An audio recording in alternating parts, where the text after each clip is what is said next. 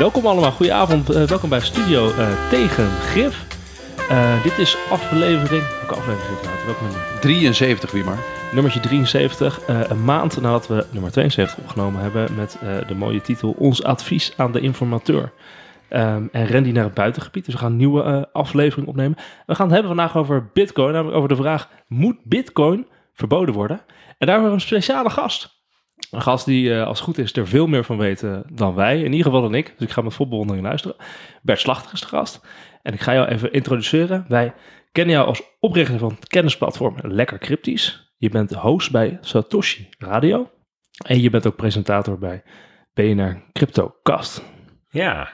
Welkom, wat leuk dat je er bent. Dankjewel, ja, heel veel zin in. En jij schrijft over het zo schrijft, zeg het zelf, jij schrijft over alles wat te maken heeft met het grensvlak tussen technologie en economie, hè? Ja, zo beschrijven we het een beetje. Daar zit natuurlijk ontzettend veel. Daar zit, daar zit bitcoin in het midden. Uh, maar ook uh, digitale geld, wat de centrale banken nu aan het maken zijn, zit daar. En decentralized finance en NFT's, allemaal dat soort technologische ontwikkelingen. Um, ja, ook de macro-economie, uh, waarbinnen dit allemaal zich afspeelt, volgen wij heel sterk. Hè. Dus vanmiddag Lagarde die was wat aan het vertellen over de inflatiedoelstellingen van de ECB. En dan kijken we dan toch mee, want ja, dat, dat, dat, dat bepaalt wel het, het um, decor waarin het zich allemaal afspeelt. Ja, oké. dat bestuderen wij en daar schrijven we over. En, uh, ja. ja, hartstikke goed. Dus het is misschien even goed om te vertellen dat um, dit dus een bijzondere aflevering wordt. Want Bert gaat allemaal dingen vertellen die Wouter sowieso heel interessant vindt. Het gaat over uh, nou ja, over technologie, eh, digitalisering en zo. Bitcoin is dus een hele favoriete aflevering van Wouter, nu al. ik ga hier zitten als uh, domme econoom die er echt niks van snapt. Dus ik ga gewoon uh, de allersimpele vragen stellen. En luisteraars denken nu, waar is die derde jongen die altijd zit? Waar zijn Randy Randy's, Randy's Rants? Ja, en dat is misschien even goed om te weten. Randy is dus verhuisd naar Groningen. Moet jij trouwens wat vertellen over jouw verhuizing, Wouter? Ik ben ook verhuisd, maar ik ben drie straten verderop gaan wonen. En Randy die is uh, eh, 250 kilometer verderop gaan wonen. En dat heeft iets meer uh, voet in de aarde, denk ik. Behalve dat ik aan het verbouwen ben, dat is ook een hel, maar dat, daar kom ik wel weer door. Ja, nou ja, je bent inderdaad al heel lang aan het verbouwen. Ik heb zelfs bij jou staan verven in jouw huis. Je hebt iedereen opgetrommeld om iets te doen.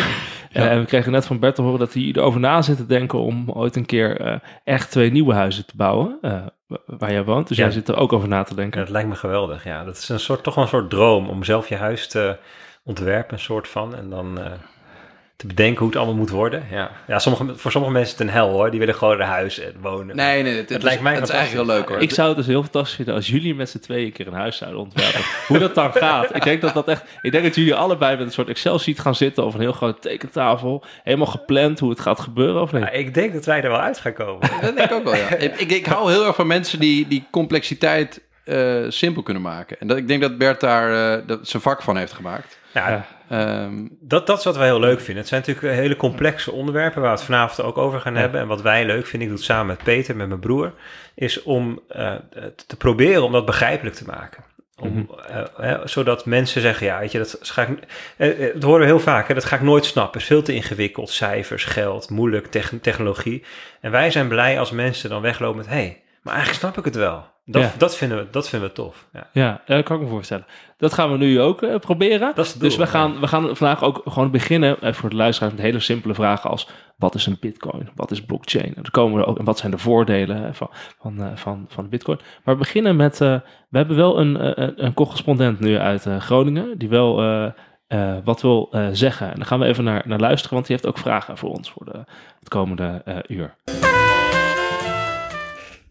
Hallo lieve podcastvrienden.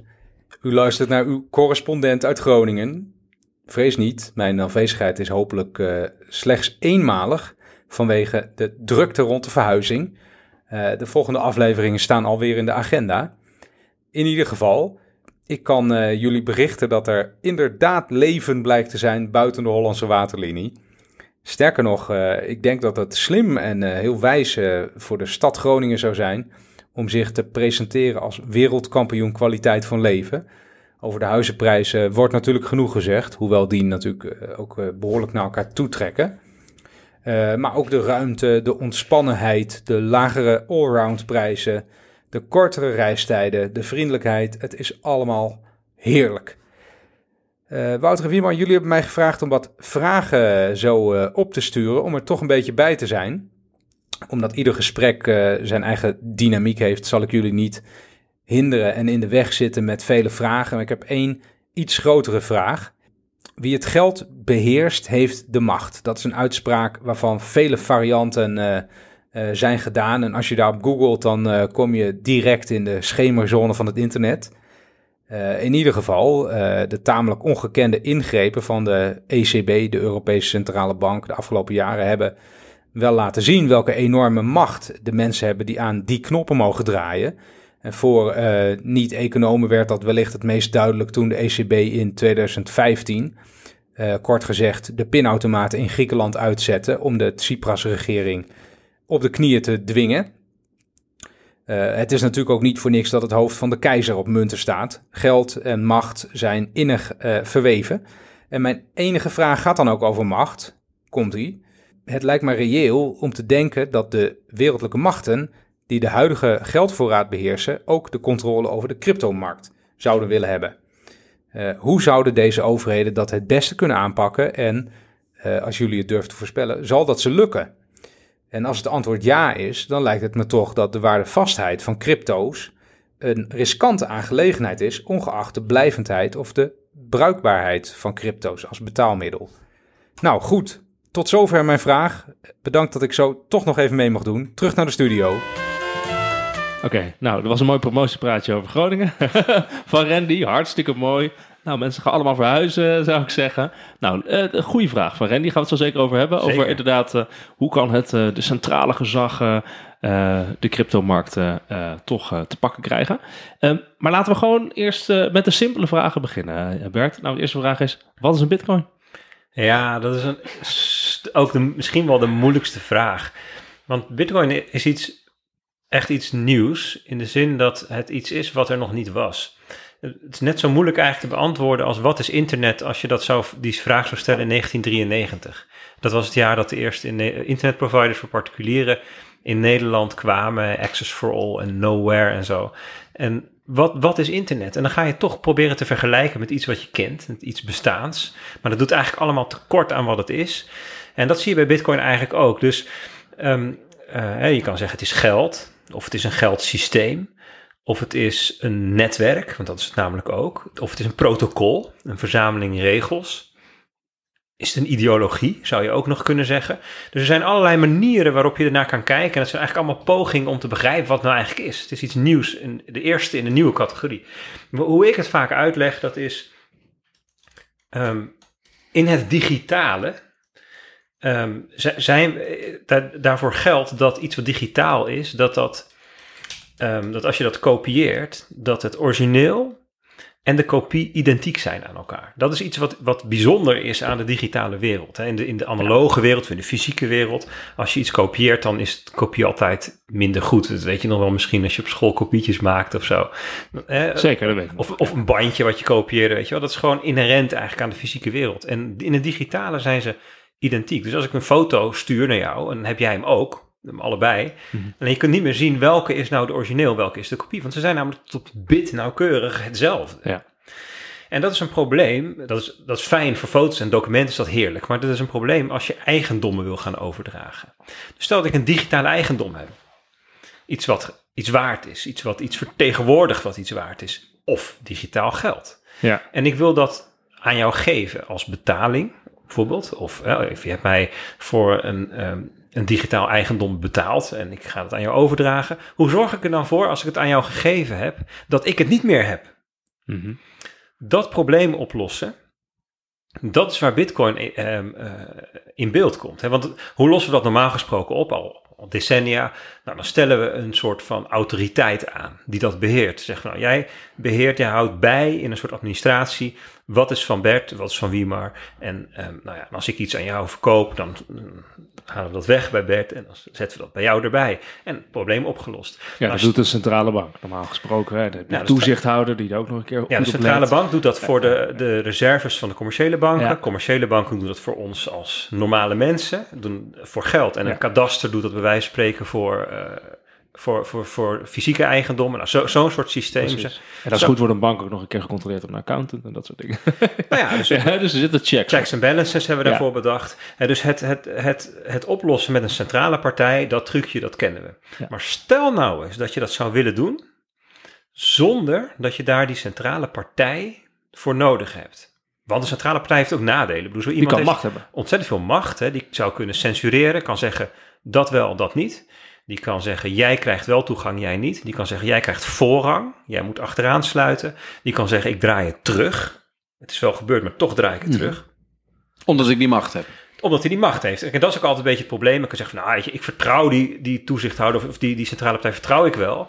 Maar weet je ook zeker dat hij over een jaar nog te vertrouwen is? Want hij zou nu natuurlijk over een jaar wel wat er nu gebeurd is alsnog kunnen terugdraaien. Ja, dus, Dus, dus eh, dat is een interessante vraag. Dus er zijn, er zijn redenen waarom je zou kunnen zeggen, laten we eens kijken of we dit kunnen zonder centrale partij. Nou, dat is in essentie de uitvinding van Bitcoin. Dat is wat Bitcoin als allereerste heeft opgelost. Dat je digitale dingen, in dit geval digitaal geld kunt hebben, wat je aan iemand anders overdraagt, zonder dat een centrale partij het kasboek beheert. Dit is dus heel bijzonder, want dit is eigenlijk ook dus een eh, probleem wat is ontstaan met de opkomst van de digitale wereld. Klopt. Internet, digitalisering is Ja. dus inderdaad die exacte kopieprobleem, zeg maar. Dat is er gekomen en dat eh, Ja. is dan een, iets wat opgelost Ja, want in de worden. analoge wereld lost Ja. de natuurkunde dat voor Precies. je op. Hè? Dus als ik een muntje heb en ik geef het aan jou, dan kan ik het niet ook hebben. Precies, is nee, dat, dat snap ik. Ik probeer het alleen even voor de luisteraar. Ja. Dus het is een, de bitcoins in die zin, eh, blockchain volgens- is een oplossing voor de, voor, Ja, voor dus de, wat- in wat heeft- digitale eh, wereld Precies. probleem daar spelen. Satoshi Nakamoto, dat is de bedenker of de uitvinder van Bitcoin. In 2008 schreef hij een whitepaper eh, waarin hij het, het zijn idee presenteerde. En op 3 januari 2009, toen ging het live. Dat was het allereerste blok in de blockchain. En een blockchain, dat kun je zien als het kasboek, waarin alle transacties staan. En transactie is dus dat je iets overdraagt aan een ander. En elk blok in de blockchain is een bladzijde in de kasboek, zo zou je het kunnen zien. En de allereerste bladzijde werd geschreven op 3 januari 2009. En ehm, toen, toen is er dus een nieuw geldsysteem geboren, waarbij dus het collectief met elkaar samen bepaalt wat er in dat kasboek staat. Die vinden samen consensus over dit is de waarheid, dit is hoe het opgetekend wordt. Dit is in essentie gaat om dit is de ordening der dingen. En hè, dus dit is de volgorde waarin dingen hebben plaatsgevonden. En want als ik namelijk mijn geld overmaak naar jou en daarna exact hetzelfde geld ook naar jou, hè, dan, dan, dan moet dan bij wie komt het dan terecht? Nou, bij degene die als eerste in het rijtje staat. En bij de tweede zeggen we dat kan niet, want het is al een keer uitgegeven. Dus er zijn bepaalde regels die moeten worden nagevolgd en die volgorde is daarin heel belangrijk. En het gaat om de vraag: kunnen wij eh, met een hele hoop mensen tegelijk, tienduizenden, duizenden, honderdduizenden mensen, consensus vinden over wat is nou de huidige staat der dingen? En, en mag ik even, ik wil Ja. even beginnen ook met een soort persoonlijke vraag. Waarom vond jij dit zo ontzettend gaaf? Wat, wa- wat, wat maakte dit in jou los waarvoor je dacht, dit, hier moet ik mijn tijd aan besteden?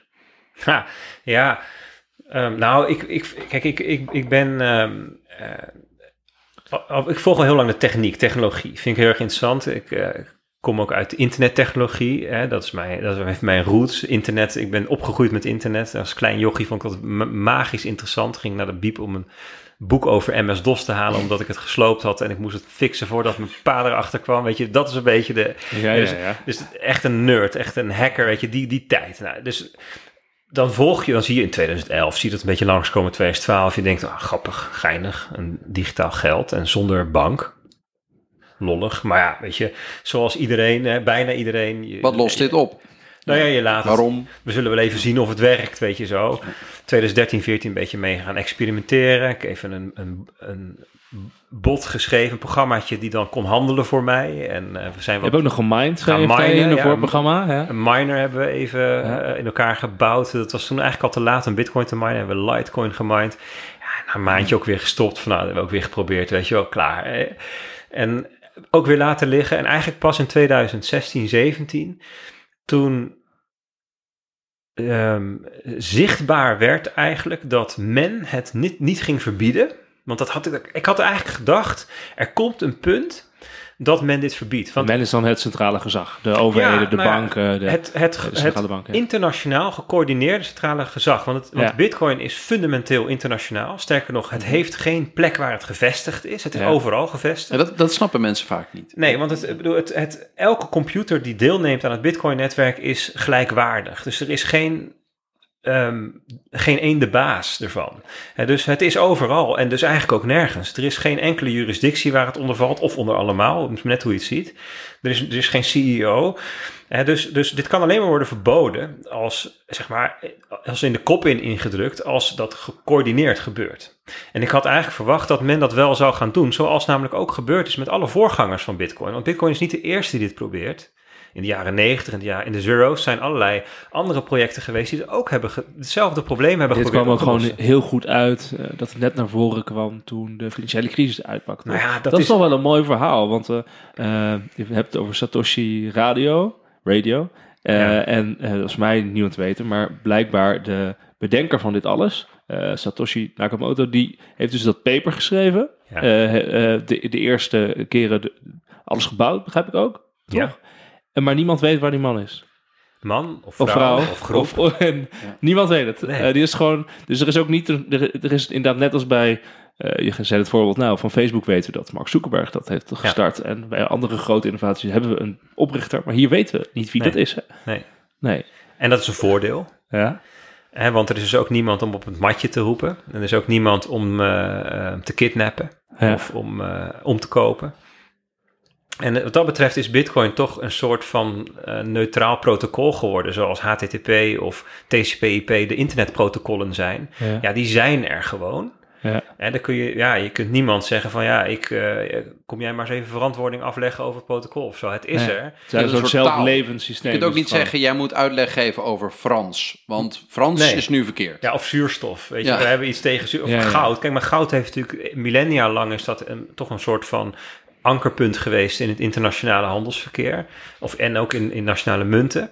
Ja, goud, atoomnummer 79, ik bedoel, het is gewoon, je, kun, ja, je kunt erop mopperen, je kunt voor, voorstander van zijn, weet je, met het, het bestaat. En je kunt het wel of niet iets mee doen. En dat is wat Bitcoin ook een beetje geworden is. Het is, het is niet Russisch, het is niet Amerikaans, het is niet, je kiest geen kant als je het gebruikt.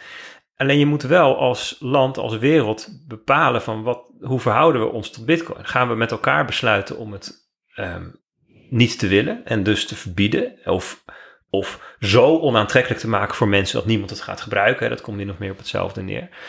Of zien we er een functie voor? Vinden we het nuttig? Vin- Vinden we het waardevol? Dat, dat moeten we, met elkaar moeten we dat uitvogelen. Eh, en, en want dat is inderdaad de grote vraag. Wat, is nou het, wat zijn de voordelen inderdaad van, van, de, van deze bitcoin? Wat, wat probeer je hiermee op te lossen buiten wat je net vertelde over de, de kopieën, zeg maar. Hè? Eh, maar wat zijn de andere voordelen die we hiervan zouden kunnen hebben? Nou, dus, dus dat sluit daar eigenlijk op aan. Hè? Als je een internationaal, digitaal, of eigenlijk een wereldwijd digitaal eh, geld wil, Ja. neutraal geld, dan ehm, kan dat eigenlijk alleen maar als je dat doet zonder dat er een centrale partij, één partij, dat beheert. Want stel dat de Chinezen zeggen, ah, wij willen het wel beheren. Ja. De Amerikanen, nou, oh, dat lijkt ons een slecht plan. En vice versa. Hè, en ehm, zelfs als je een heel erg grote, gebalanceerde, supranationale organisatie zou oprichten, is nog de vraag, of dat vanuit IMF zou doen, nog de vraag of je daar daadwerkelijk consensus zal vinden over zo'n systeem. Hè, want ja. Weet je, kijk, wij, wij in Nederland eh, hebben best wel heel veel vertrouwen, denk ik, in ons geld en in onze ehm, Instituties. instituties en dergelijke. Maar in heel veel, hele grote delen van de wereld is het natuurlijk heel anders. Hè. Bedoel, Er zijn 4 miljard mensen die leven ofwel onder een dictatuur, een, een autocraat, ofwel in een, ehm, eh, onder financiële surveillance. Hè, dus dat eigenlijk alles wordt gevolgd en, en eventueel gecensureerd. Ofwel in een geldsysteem met eh, meer dan 10% inflatie per jaar. Ja, want dat is een van de andere voordelen die van de bitcoin je zou moeten hebben. Dat je, je zegt van het, in het normale systeem, dat is eh, het normale geldsysteem is onbetrouwbaar. Geld te veel kan vergroot worden. Nou, Banken kan, kunnen kan onbetrouwbaar zijn, zou ik willen kan zeggen. onbetrouwbaar zijn. kan inderdaad tot inflatie leiden en allerlei andere zaken. Dus we hebben een alternatief geldsysteem nodig, wat betrouwbaarder is. Dat is een van de, van de gedachten hierachter, toch? Ja, dus dat is eigenlijk wat Bitcoin zou kunnen toevoegen aan de wereld. Namelijk dat je een neutraal geldsysteem hebt, waarbij niemand de baas is, waarbij niemand kan censureren, waarbij niemand de regels kan veranderen, waarbij niemand het monetair beleid kan bepalen. Ja. Ehm, eh, ja, want dat is misschien goed, het monetair beleid. Want je hebt het over eh, je bitcoins, kan dus niet dan verruimen doen. Nee. Want er is een vaste hoeveelheid. Misschien dat gewoon even goed om te weten. Hoeveel bitcoins zijn er op dit Ja, er, moment? zijn, er, zijn er, er zijn er in totaal 21 miljoen en daarvan zijn er ongeveer 18 18,5 miljoen in omloop gebracht. En het uitgifteschema, dat ligt vast in de broncode. Dus dat bij, op, op, op die 3 januari 2009 lag al vast Ja. hoe, op welke manier, op welk moment ze in omloop gebracht Ook zouden wanneer al? Dat in 2040... eh, Nou, gekoppeld zo? aan een blok.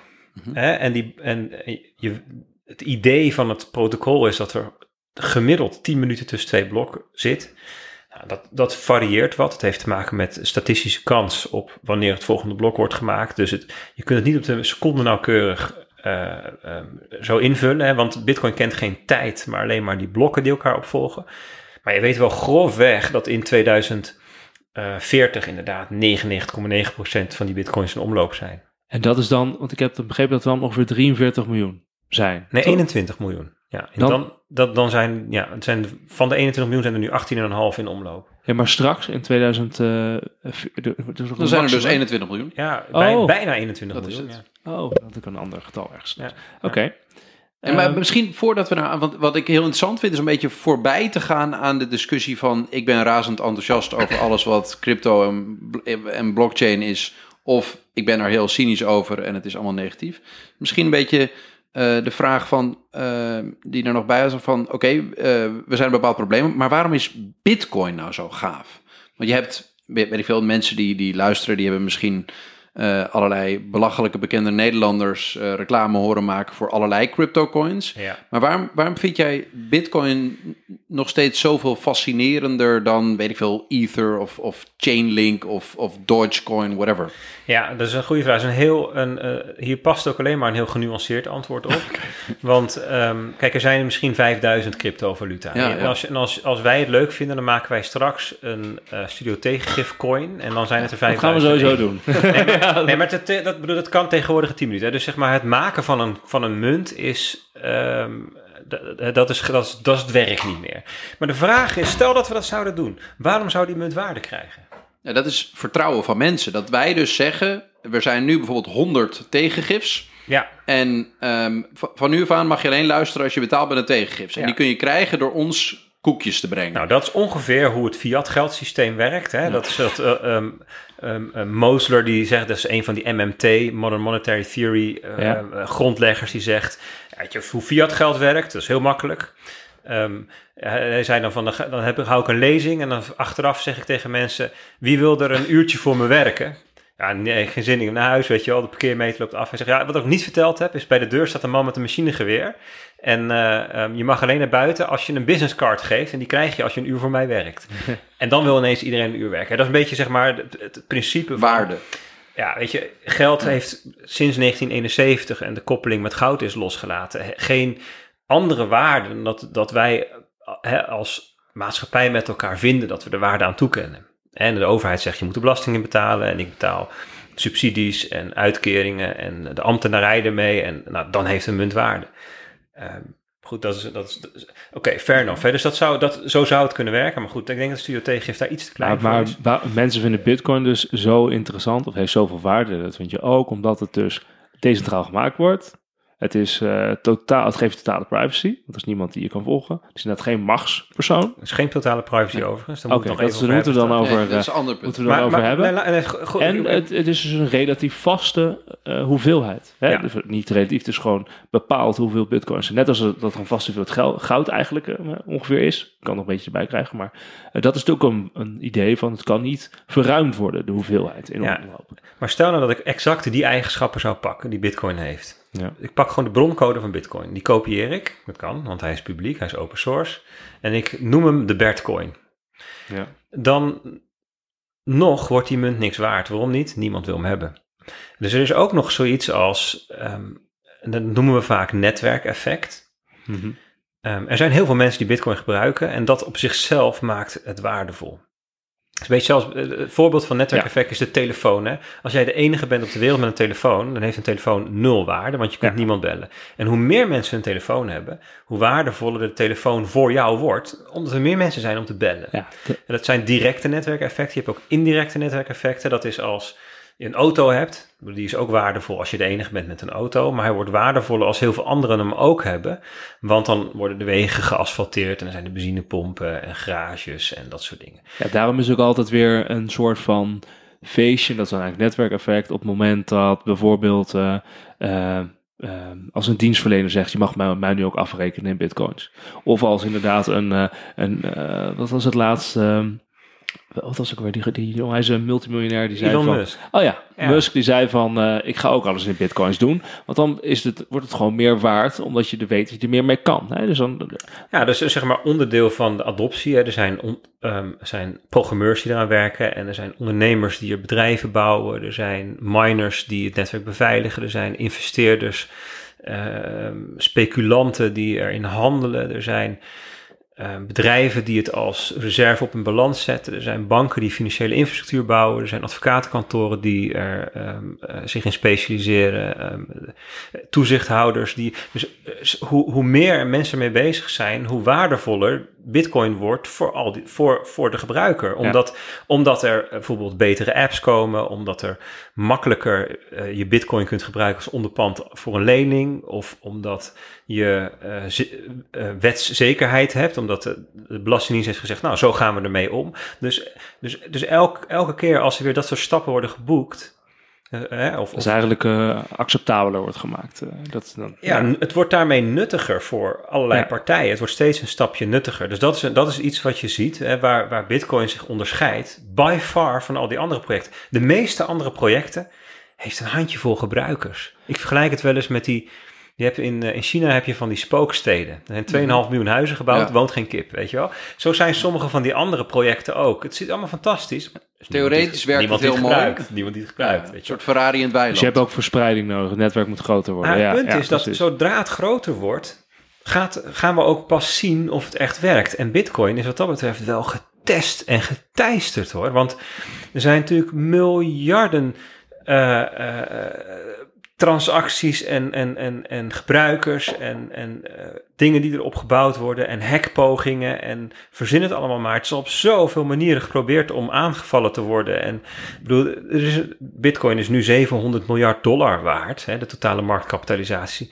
Dus er is wel wat te halen voor een hacker, zal ik maar zeggen. Ja. Hè, dus ja, weet je, dat is.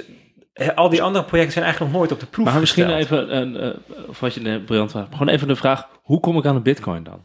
Oh ja, ja dus- Dan moeten we even, dat dat is voor mij al even- zo. eh, Ja, hoe kom, stel, ik ben- wil een bitcoin. Wat ik gaat er gewoon niks, gebeuren? Wat moet ik doen?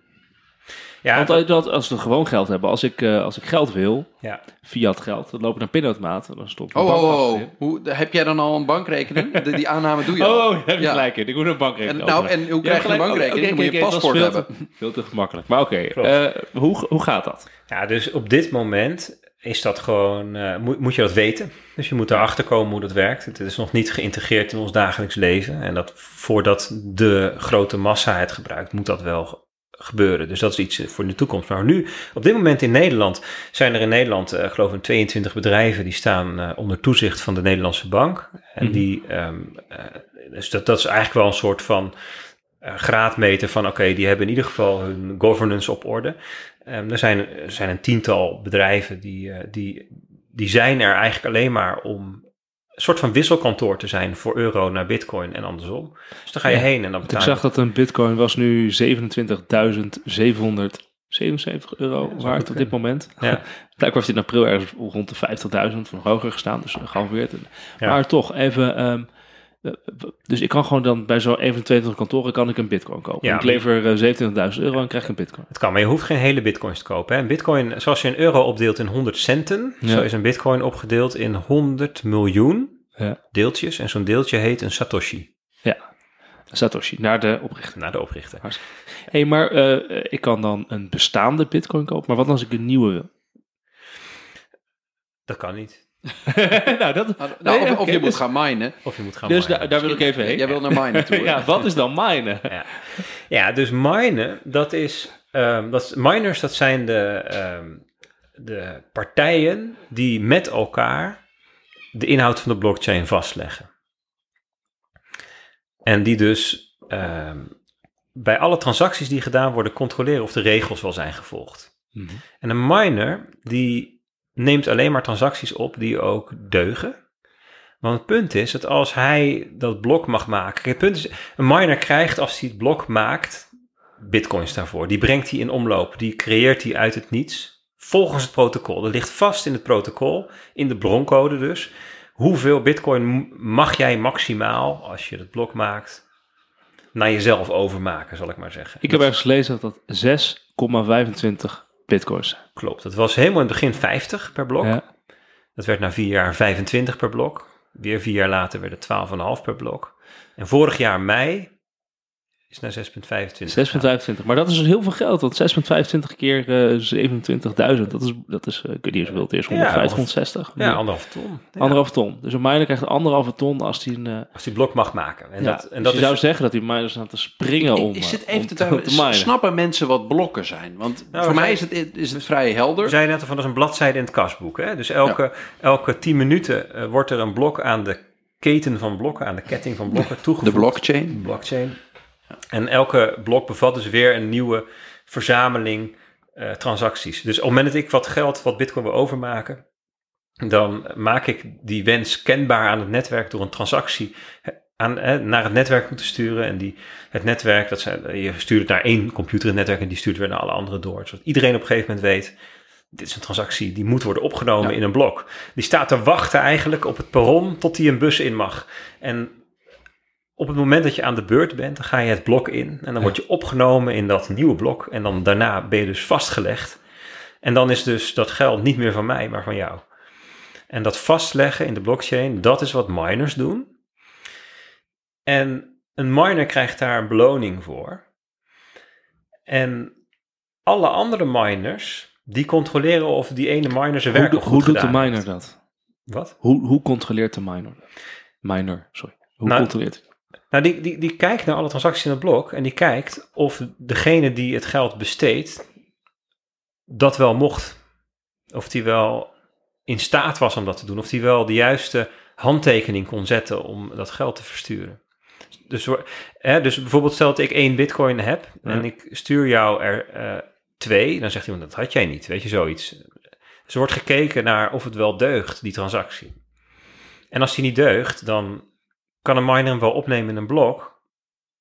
Maar dan zeggen alle andere miners, ho ho, dat blok accepteren we niet. En die, die andere miners worden namelijk, eh, hebben namelijk een reden om dat af te wijzen. Want als ze dat, blok, dat foute blok afwijzen, dan mogen ze misschien zelf het blok wel maken en dan krijgen ze een blok. Want het blok maken is eh, in huiselijke termen een hele moeilijke rekensom oplossen, toch? Met grote computers. Dat is wat ik even Ja, als, als totale nitwit ja, lees. het is- het is- ik lees dat er dan een miner is met hele zware computers die heel veel energie verbruiken en die moet eh, dat oplossen. Ja. Daar is heel veel discussie over nu, hè, over de hoeveelheid energie. Klopt, het is, het is eigenlijk geen moeilijke som, het is eigenlijk een hele makkelijke, maar je moet het heel vaak proberen. Het is eigenlijk een soort van spelletje van raad het getal onder de miljard. Ik heb een getal in mijn hoofd, onder de miljard, en als je het goed raadt, dan mag je het blok maken. En weet je, zo gaan ze allemaal om, een beetje zo, zoiets. Dus, Ja, ja, ja, dat is een goed- Daar moet je goed, aan denken. Dus het is eigenlijk een Dus je hele hebt gewoon een computerprogramma nodig wat he- heel vaak voor je raadt. Exact, heel Ja. vaak proberen. En hoe vaker... Dat kost heel veel energie. Ja, en Dat, dat is ook de kritiek van veel mensen. Van, je hebt er overbodige eh, serverparken ergens in een woestijn in China. ja. Die dingen staan te doen die op zichzelf geen waarde hebben. Als jij besluit dat je het Bitcoin-netwerk geen waarde vindt hebben. Dan doen die computers daar. Die zitten heel veel energie te gebruiken. van onze wereldwijde energiehoeveelheid. Terwijl jij denkt: ja, wat, ik hoef helemaal geen Bitcoin. Waarom doen die dat? Ja, dus even voor de data. Hè. Het Bitcoin-netwerk gebruikt op dit moment ongeveer 100 terawattuur per jaar. Ehm, we produceren als wereld 160.000 terawattuur per jaar. Dus dat is ongeveer 0,07% of zo daarvan. Dat gaat nu naar, eh, naar het Bitcoin-netwerk. En ehm, dat, die energie die moet dus gebruikt worden. Dat is nodig om een collectief van mensen die elkaar niet kent, niet hoeft te kennen, niet hoeft te vertrouwen zelfs, om die met elkaar consensus te laten bereiken over wat van wie is. Ja, dat, dat vind ik, ik vind het een heel interessant argument dat je hier hebt. Uh, want Dus dit als je- als je- de grootste kritiek, toch? Dus als je het geld... eh, s- sommige mensen zeggen, ja, de blockchain dat is leuk, maar dat geld dat kan wel weg en het minen kan ook weg. Het punt is, als je dat weghaalt, Mhm. dan is die consensus er dus niet meer. En dan moet je elkaar dus ineens weer vertrouwen. Dan moet je dus ineens weer vertrouwen dat niemand vals speelt of je moet vertrouwen op een centrale partij. Dus daarom zijn ook heel veel andere crypto-projecten, vind ik niet zo interessant, omdat die namelijk hebben gezegd, nou, dat minen halen we weg. We vervangen dat door tien partijen die met elkaar dat valideren. En dat is ook prima. Ja, dat is ook in heel veel situaties dat prima. Als je als groepje bedrijven met elkaar wil samenwerken, ja, je vertrouwt elkaar eigenlijk, je wil alleen gewoon, nou ja, enzovoort. Daar is dat best, weet je wel. Maar als je een wereldwijd geldsysteem hebt, waar zowel China als Noord-Korea, Rusland, Amerika mee willen werken, waar criminelen mee werken en, en, en mensen die, die elkaar vertrouwen, iedereen, ongeacht wie je bent, waar je vandaan komt, wat je politieke voorkeur is, ehm, eh, of je tot de coalitie of de oppositie behoort, je mag meedoen. Als je zo'n geldsysteem wil, dan moet je een mechanisme hebben waarmee vijanden met elkaar tot consensus komen. En ook een mechanisme dat je niet om kan kopen, toch? Want als je gewoon... Exact. Dat is wel heel belangrijk. Als die, als niet die een, een pistool op zijn hoofd Ja, als die dat- mensen de, de, het mogen bepalen van klopt, dan heb je daar, eh, heb je, weet je in ieder geval waar je, waar je druk moet uitoefenen als je wil zorgen dat het de goede kant op Exact. gaat. En, en dus consensus, consensus vormen met een extreem grote groep mensen die elkaar niet kennen, niet vertrouwen, waar geen centrale coördinatie plaatsvinden. enige oplossing die wij nu kennen daarvoor is proof of work. Dat is de naam voor het minen. Het heet ook wel het Nakamoto-consensus, wordt in de wetenschap ook wel genoemd. En dat is, een, dat is een, iets nieuws. En je, je kunt wel zeggen, eh, ja, haal dat minen maar weg, maar dan is dus dat ook weg. Dus het punt is, als wij als wereld waarde zien in een neutraal geldsysteem, zoals Bitcoin, dan hoort daarbij dat dat energie verbruikt. En als we zeggen, ik vind het volstrekt overbodig, dat heeft, voegt helemaal niks toe, ja, dan snap ik dat je zegt, ik vind elke joule die we gebruiken verspilling. Want, hoeveel, eigenlijk. Want hoeveel kost dat? Uh, dat, energieverbruik is enorm hoog. Eh, en ik zie ook, ik, heb allemaal, ik kan allemaal statistiekjes vinden dat dan dat is ook wel begrijpelijk dat miners eh, vooral in landen zitten met hele lage energieprijzen. Zeker. Ja, Want daar ga je het meeste verdienen. Ligt heel voor de hand. Ja. Ehm, en dus inderdaad 0,0 4, zei of nog minder? 0,07 of zoiets. 0,07. Dus je kunt zelf uitrekenen. Ja, eh, dat, dat, dat, ongeveer van de totale eh, uh, energieverbruik wordt eraan besteed. Maar dat denk ik, ja, dat is toch wel, dat is wel groot, dat zijn wel kosten, toch? Dat zit niet in de prijs van de bitcoin die je, die je betaalt of zo. Nou, eigenlijk, is dat, eigenlijk is dat precies de prijs. Hè? Want die, die miners, die, je zei het net zelf, 6,25 bitcoins per blok. Nou, 10, 10 minuten per blok, dus je kunt uitrekenen. 6 per uur, keer 24 is 144, geloof ik, per dag. Ja. Keer, keer 6,25 bitcoin is 900 bitcoins per dag komen er in omloop. En die 900 bitcoins die krijgen die miners dus. Dus dat, dat, dat is, zijn hun inkomsten. Nou, doe dat nog even keer 30.000 eh, dollar. Hè, dan heb je dus 27 miljoen dollar. Dat zijn de inkomsten van de miners. Ja, en dat is dus ook het bedrag wat zij te besteden hebben om, Maar wat worden die miners niet enorm rijk? om hun werk te doen. ik Nou, zou er is, zeggen, die miners verdienen enorm veel. nou, er is heel veel concurrentie, dus ze geven ook veel geld uit. Dus ze krijgen 27 miljoen aan inkomsten. Maar ze hebben ook, nou ja, wel iets meer, het zijn natuurlijk winstgevende bedrijven, maar ze zullen ook zeg maar 20, 25 miljoen aan kosten hebben. En die kosten bestaan uit apparatuur en locatie en personeel en stroom. En dat is ook de manier, kijk, hoe, hoe rekenen mensen uit hoeveel stroom Bitcoin gebruikt? Er zijn twee instituten die dat doen. Die kijken naar dit soort dingen. Die kijken nou van, oké, hoeveel, wat is het budget dat die miners hebben? Hoe ziet de kostenstructuur eruit? Dus dan zullen ze wel ongeveer zoveel stroom gebruiken. Dat is de manier waar- waarop ze dat uitrekenen. Ja. Hey, ik, ik, misschien mogen we, mogen we al voorbij een beetje de basics en zo. Want, want ja, ja, wat ik ja, heel- ja, sorry, ja, dat gaan we nu doen. En wat, we wat nu ik heel doen. interessant vind, is dat... Wat, allereerst beschrijf je eigenlijk andere... Kijk, ik, ik loop ook al een jaar of eh, zes, zeven rond in die, die eh, blockchain, eh, decentrale tech wereld in Nederland. En, en ik onderscheid daar eigenlijk verschillende groepen die daarbij uit interesse komen. Je hebt mensen die, die heel rijk willen worden. Die vind ik eigenlijk allemaal vrij saai en oninteressant. Ehm, je hebt mensen die gefascineerd zijn door, door technologie. En, en je hebt ook mensen die, die een beetje ja, een soort van eh, uit frustratie er komen, volgens mij. Uit een soort van frustratie met centrale systemen, met machtsstructuren. Ja. En ik vind de combinatie daarvan, die, die levert wel een soort spannende atmosfeer op. Van, van, van mensen die op zoek zijn naar iets. Het, het, het- je krijgt ook het gevoel dat het soms een soort van groep is die met elkaar op, eh, als karavaan op zoek is naar iets interessants. En wat ik, wat ik interessant vind, is wat jij beschrijft, is dat de manier waarop Bitcoin functioneert, het alleen een oplossing voor een probleem is als je dat probleem ook echt ziet als een probleem. En dat is dus het probleem dat wij door het internet over de hele wereld waarden met elkaar willen uitwisselen. En dat we dat langzaam zullen willen gaan doen zonder de tussenkomst van centrale partijen. En dat je dus dan heel lang kunt gaan babbelen over ehm, eh, hoe dat precies werkt. Maar dat er nog steeds de erkenning is van dat die centrale partijen op een bepaalde manier een probleem kunnen zijn. En Ja. dat wij misschien, want de kritiek van veel mensen gaat vaak over, over dat stroomgebruik, of dat er heel veel alternatieven zijn, of dat wij toch een heel erg betrouwbare maatschappij hebben. Maar eigenlijk zeg je van in essentie gaat het erom dat probleem dat mensen op de wereld, of ik nou Wouter in Nederland en Piotr in Wit-Rusland ben en wij willen waarden met elkaar uitwisselen, dan kunnen wij dat nu niet doen zonder allerlei instituties waarvan we niet weten dat het morgen bevolkt worden door boeven. Ehm, en dit is een manier om te vertrouwen op wiskunde, die onweerlegbaar is, en op energie. Dat zijn eigenlijk de twee componenten. En daarmee kunnen wij waarden uitwisselen. En of dat geaccepteerd gaat worden, moeten we nog maar even zien. Ehm, maar voor nu is het in ieder geval heel spannend. Klopt. Ja, en ja, sorry, dat was een hele lange opmaat naar mijn, mijn vraag.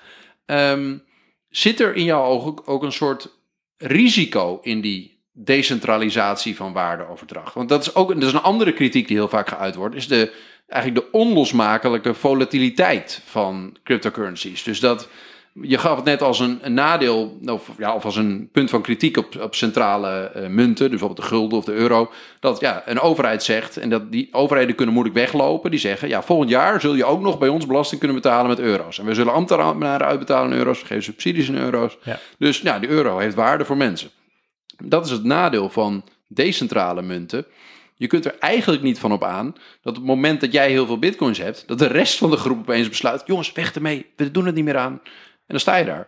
Dus de Ja. volatiliteit is eigenlijk onlosmakelijk hoger dan munten die gebaseerd zijn op overheden. Hoe kijk je daar tegenaan? Ja, dat is denk ik, ik bedoel, ik denk dat het nu is dat gewoon een observatie. Dat kun je nu zien. Wat je beschrijft, dat zie je nu. Hè? Dus daar, daar, daar is geen discussie over. Hè? Dus Bitcoin is volatiel in de zin van de koers schommelt heel erg. Eh, en er zit een grote onzekerheid over de toekomst. Hè? Ik bedoel, ehm, er is nu precies één land in de wereld die heeft wettelijk heeft aangenomen El dat ze Salvador, El? El Salvador, hè? Die, die, vanaf ehm 3, geloof ik, 3 september is daar ehm, Bitcoin een wettig betaalmiddel. Iedereen is verplicht om daar Bitcoin te accepteren als geld. Dus het is een nationale munt, nu naast de, de Amerikaanse dollar. is één landje met 6 miljoen inwoners, dus dat stelt niet zoveel voor. En voor de rest van de wereld heb je hele lage aantal gebruikers. Er zijn, ik bedoel, ik denk dat er 100, 200 miljoen mensen wereldwijd Bitcoin hebben. Dat is een paar procent. Dus, dus Bitcoin, wat dat betreft, staat echt in de kinderschoenen. En daar hoort die volatiliteit ook bij. Het is een heel klein, ik bedoel, als geld is het een heel klein muntje maar. Als je het vergelijkt met de, de, de, de totale waarde die in eh, alle andere, ik alle, alle, alle geld bij elkaar in de wereld is ongeveer 1000 biljoen dollar. Bitcoin is 0,6 biljoen. Dus een heel klein stukje, een heel klein fragmentje. Dus die, die, die, Het is nog geen serieuze uitdaging. Maar je kan ook zeggen, Nog dit is een. Dit is een eh, stilstaande, dat, een, het een observatie op dit moment. Het Klopt. Over 10 jaar, 20 jaar, 30 jaar wordt anders. Het is een beetje zoals dat zij, dat is een goed voorbeeld, zoals we eh, in de jaren 90 ook dachten, ja, internet gaat niks worden. Ik weet nog dat mensen met mobiele telefoons dachten, gaat Klopt. niks worden. Klopt. Maar dat kunnen we ons nu niet meer voorstellen. Klopt. Dus, dus, Dus als, je, als je internet, of als je bitcoin beoordeelt op wat het nu is, dan doe je het denk ik tekort. Ja, het En is, je- een, dit is dynamisch uiteindelijk. Ja, je zou het moeten beoordelen op ehm, hoe het, hè, wat de dynamiek is als het is wat het kan worden. Als het, hè, als het volwassen is, zal ik maar zeggen. En daar heeft het nog 10 jaar of 20 jaar de tijd voor om het, om het te worden. Hè, ehm, eh, en nu is het te volatiel ja, om te gebruiken. Misschien wel even een goed moment om even die, die- een paar van die kritiekpunten langs te gaan. Ja. Ik denk ook denk dat, eh, ik ga dat dan gewoon vertellen zoals ik het in de kroeg heb gehoord. Daar mogen we weer heen. Eh, maar dat betekent ook dat er fouten in zitten, dus kan je ze weer leggen. Ja. Dus net zei ik van, nou, een van de grote voordelen van Bitcoin is dat het privacy eh, geeft. Dat eh, de Belastingdienst niet weet wat je, wie, wie het, het koopt en verkoopt. Je kan er geld mee witwassen. Ehm, eh, dat is een heel groot voordeel. En toen zei je, nee, dat klopt niet. Nee, dat valt wel tegen.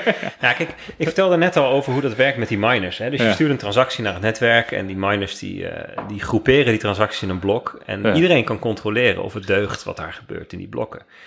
Iedereen. Jij ook, ik ook. Dus dat- en dus de politie ook. Hè, dus je kan eigenlijk heel goed volgen ehm, wat er... Maar het is niet traceerbaar naar een persoon. Nee, dus het is niet anoniem, maar het is pseudoniem. Ja. Maar als je eenmaal weet wat van iemand is, dan weet je dat ook voor altijd.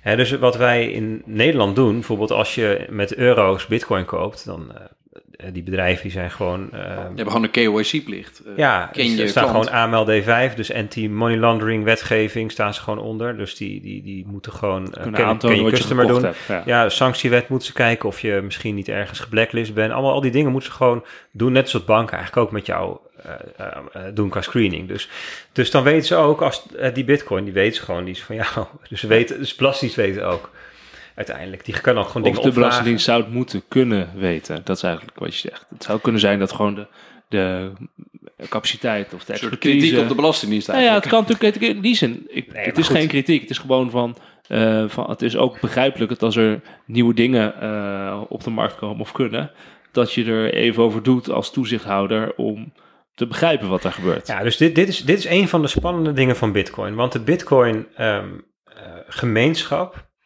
die komt voort oorspronkelijk uit de cypherpunk gemeenschap. Dat is de. Ja, dat, die, die, die bestaan al decennia. In de jaren negentig was dat de, gro- de groep mensen die eh, demonstreerden voor het recht om je gegevens te mogen versleutelen. Dat was toen nog verboden. En je mocht je data, de versleuteling, dat was voorbehouden aan, eh, aan de overheid. De rest van de wereld, die de overheid vond dat ze het recht hadden om bij alle data te kunnen. Ehm, dat is dezelfde groep die achter PGP zit, dus versleuteling van e-mail, achter Tor, een, een netwerk waarbij je privacy hebt. Dus er zitten heel veel, heel veel privacy-minded mensen, cryptografen, in, in, in die groep waar Bitcoin uit voortgekomen is. En zij wensen eigenlijk privacy. En met privacy bedoelen ze niet geheimzinnigheid, maar dat elk mens het fundamentele recht heeft om zelf te bepalen wat hij over zichzelf onthult en aan wie. Mhm. Ehm, dus als ik eh, eh, donateur ben van eh, Milieudefensie en ik maak mijn contributie over aan GroenLinks, hè, dat schetst een bepaald profiel van mij. Of laat de ChristenUnie zeggen, dat is- zegt iets over je religie. Ja. Hè, dus je politieke voorkeur, religie, dat zijn. Ja, waarom zou een betaalverwerker dat mogen weten? Waarom zou een overheid dat moeten weten? Misschien komt er over vijf jaar wel een, een dictator aan de macht die iedereen doodmaakt, die ooit op de GroenLinks. zit. Weet je wel, in principe wil je niet, eh, wil je, wil je de optie hebben als mens om zelf te bepalen wat je over jezelf onthult. Dat is het gedachtegoed van hè, de ideologie van, van, over privacy. Ja. En die gaat er ook van uit dat je niet erop kunt vertrouwen dat er voor eeuwig altijd een goedaardig bestuur over je. Heerst. Of, of commerciële bedrijven, whatever. Dus vanuit de gemeenschap is er wel een drive om Bitcoin meer private te maken. Ja. En vanuit overheden is er een drive om een bepaalde transparantie te houden. En die zijn strijdig. Dus dit, dit is gewoon, laten we, hè, dit, is gewoon, dit moeten, moeten we gewoon ook op tafel leggen.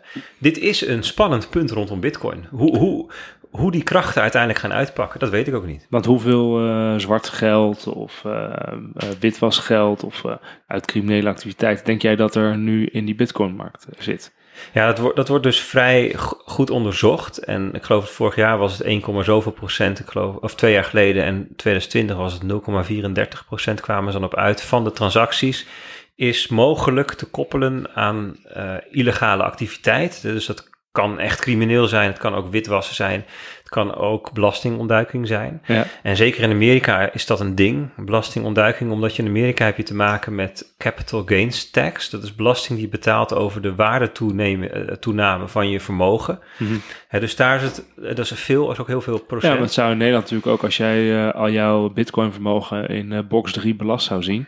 Wat nu niet het geval is. Nee, maar, Dus dan, dan zou dat natuurlijk... eh, nee, maar wat, ik, wat ik merk in de Nederlandse gemeenschap is dat iedereen zegt, ja, weet je, dat die belasting in Nederland is best wel laag eigenlijk, best wel maar gunstig. zou je daarvoor Dus zijn, laten laten bijvoorbeeld? het maar- dat, je, dat, je, ze- dat je moet aangeven wat de waarde is van je bitcoin. Maar dat moet ook. Dat wordt, en het wordt ook gewoon belast. Ja, ja. Oh, ja, dat moet dus gewoon, het is- het is ook een veldje. ik, nee, dat is dus een goede gewoon- kroegvraag. Dit. Het is, een, eh, het is een invulveldje op je inkomstenbelastingaangifte. Dus um, nee, maar in, in de Nederlandse Bitcoin-gemeenschap is het ook uh, gemeengoed dat iedereen zegt: vul het nou gewoon in. Ja. Want ook al is het, het valt waarschijnlijk in het begin toch nog onder de grens. Als het ooit heel veel waard wordt, dan is het fijn dat je hem toen al hebt ingevuld. Want dan heb je nu verklaard hoe je aan het vermogen komt. En dan ben je helemaal blij. En die 1% belasting, jongens laten we niet zeuren. De rest van de wereld is er veel slechter aan toe. Dus in Nederland is de belastingmoraal in cryptoland best wel heel uh, gedisciplineerd. Maar vooral in Amerika is dit wel een ding, omdat je daar hè, en, en, en andere landen waar ze dat soort uh, belastingen hebben. Ja. Maar goed, dus, dus, dus zeg maar, um, de illegale activiteit is bij Bitcoin percentueel en ook in absolute bedragen best wel laag. Hè? Ik bedoel, ik geloof dat 99,9% of zo is gewoon nog de dollar en de euro en zo. Logischerwijs. Alleen Bitcoin speelt wel een hele nare rol bij al die uh, afpersings... De ransomware. Ransomware zaken. Hè, en dat is... Dat Want waarom speelt het daar zo'n nare rol? Waarom is het daar zo handig voor? Ja, omdat weet je, die, die ransomware bedrijven, die, die, die, die kidnappen eigenlijk je data. Mm Versleutelen ze en dan zeggen ze, nou, als je het terug wil hebben, dan moet je hier bitcoins naar overmaken. En waarom nemen ze bitcoin? Ja, omdat het natuurlijk ideaal voor hun is om, om, uh, om aan de andere kant van de wereld te ontvangen. En in, bedoel, het zijn veel Russen, Russische uh, boefjes dit. Ja. En die, uh, ja, bedoel, kijk, dus je hebt ook veel Roemeense bendes die door Nederland gaan, maar die moeten gewoon fysiek het land ontvluchten. Dat is best risicovol. Ja, als jij vanuit, in Rusland die bitcoin ontvangt. En je hebt dan gewoon in Rusland heb jij een wallet, dus je hebt geen broker ertussen, nee. maar, maar dus die kan je aanmaken en de volgende dag weg. Ja, dus dat zijn, dat zijn kijk, Bitcoin is wat dat betreft oncensureerbaar neutraal geld. Dat is leuk voor um, de oppositie in uh, Wit-Rusland die buitengesloten is van het financiële systeem of de demonstranten in Hongkong of uh, de mensen in Zimbabwe die de hyperinflatie willen ontlopen. Maar het is ook fijn voor criminelen in Rusland. Ja, en maar, ja, maar dat vind ik wel een leuk punt, want je hoort ook veel, um, nou, laten we zeggen, de, aan de, de kant van de mensen die zeggen de blockchain is de beste oplossing voor helemaal niks.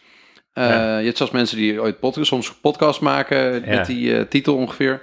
Die ook wat uh, in het progressieve spectrum zitten. Ja, um, de kritiek die daar vaak op gehoord wordt, is dat dat een beetje een soort van Western European privilege is omdat wij in een land wonen waar je de instituties redelijk kunt vertrouwen. Dus je kunt vertrouwen dat niet morgen de machtshebber flink wat euro's bij gaat drukken. Of besluit dat jouw euro's niks meer waard zijn.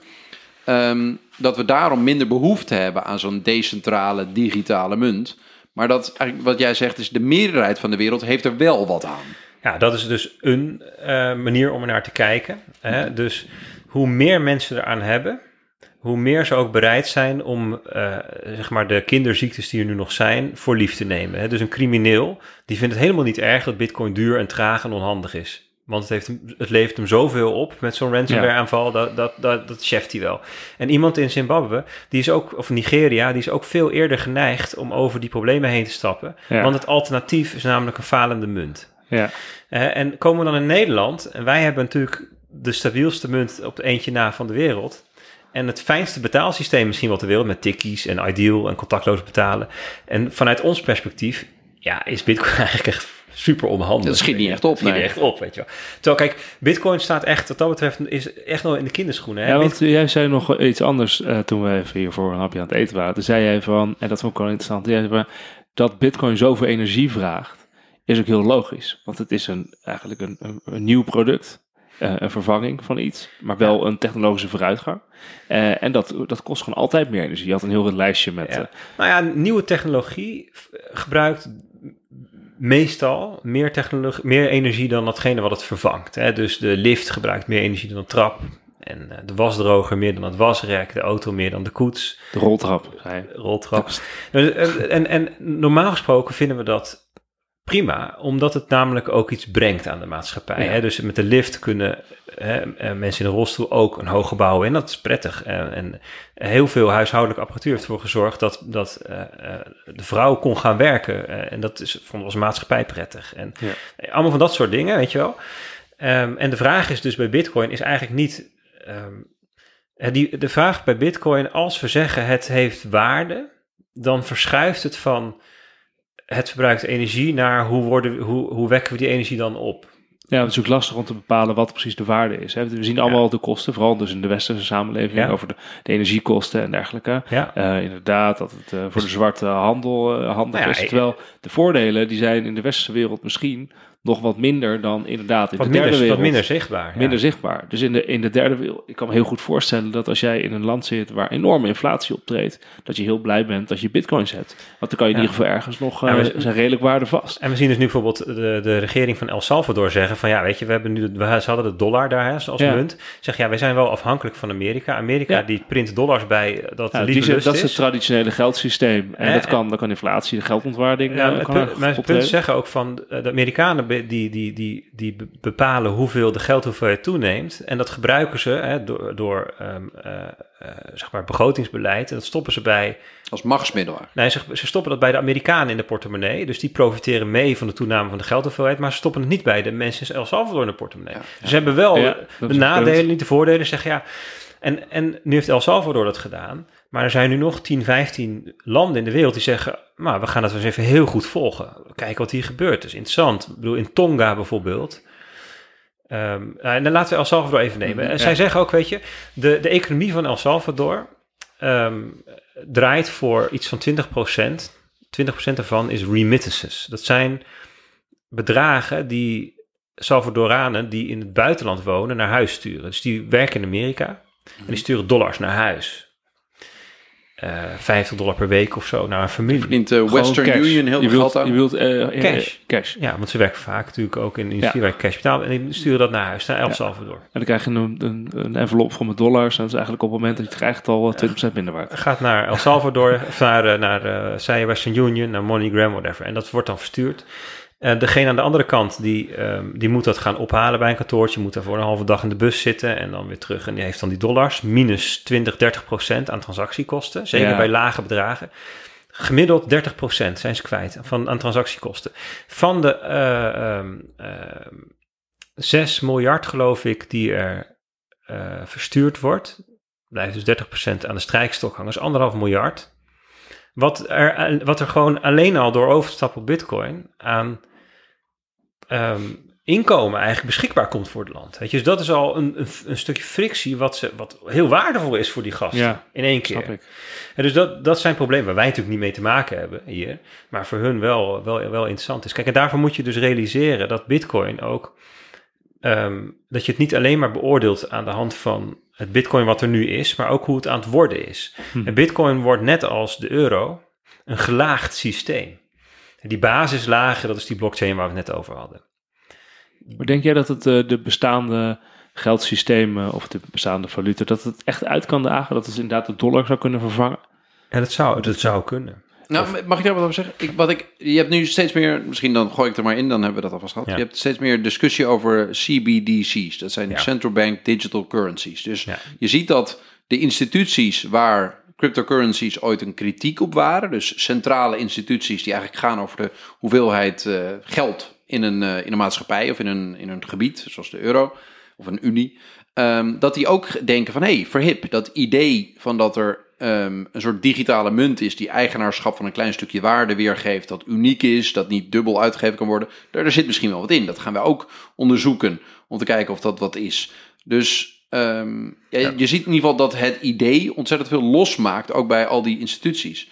Maar waar, waar ik wel na, naartoe wil, is dat, dat de belofte is dus in economie heel veel van, van cryptocurrencies en bitcoin eh, speciaal dan, om frictie weg te nemen in transacties. En eigenlijk zeg jij ook van, je moet de waardetoevoeging in een maatschappij ook heel veel benaderen. Niet alleen maar vanuit die negatieve effecten van het gebruikt heel veel energie. En, en misschien zijn er wel mensen die, die stoute dingen doen als witwassen ermee. Maar kijk ook naar eigenlijk de, de vooruitgang in een economie. Die door het wegnemen van frictie en overhead en, en allerlei accountants die dingen zitten te checken die je ook wiskundig kunt checken.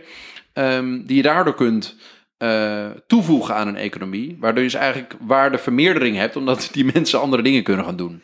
Ja, bijvoorbeeld, ja, er zijn dus allerlei. Kijk, we weten ook nog niet precies wat voor waarde een neutraal, grenzeloos digitaal geld ons kan brengen. Weten we nog niet precies. Mhm. We hebben er allerlei vermoedens over. Mhm. En hoe meer fanboy je bent, hoe hoogdravender die vermoedens Ja, zijn. ja, ja. En als je er wat, kijk, ik sta er denk ik wat, wat nuchterder in, en wat ne- neutraler. Ik denk van, nou, weet je, dit zou, het zou zo'n soort rol kunnen spelen of zo een, en misschien mislukt het wel. Maar kijk, waar ik op uitkom is van, ja, ik zou het in ieder geval wel graag een kans willen geven. Laten we eens kijken wat het, wat het daadwerkelijk oplossen en biedt. Kijk, al zou het maar kunnen zijn dat we straks. Nee, la- la- laten we even, even één stapje terug nog doen. We moeten het ook nog heel even over het digitale centrale bankgeld hebben. Mhm. En wat het is, want ik denk dat het goed is om dat nog even uit te leggen. Kijk, de, ook, de, ook de grote munten die, die heel stabiel zijn nu, hè, dus de, de euro en de dollar, die hebben ook niet het eeuwige leven. Maar ook als je kijkt naar het systeem van de euro, dan... ehm, Ja, het is natuurlijk ook gewoon een concurrentie eh, tussen, tussen geldsystemen. Dit Dat vind ik wel mooi, hè? Dus ook, je ziet dus ook dat het een, het is gewoon een concurrent, eh, de bitcoin.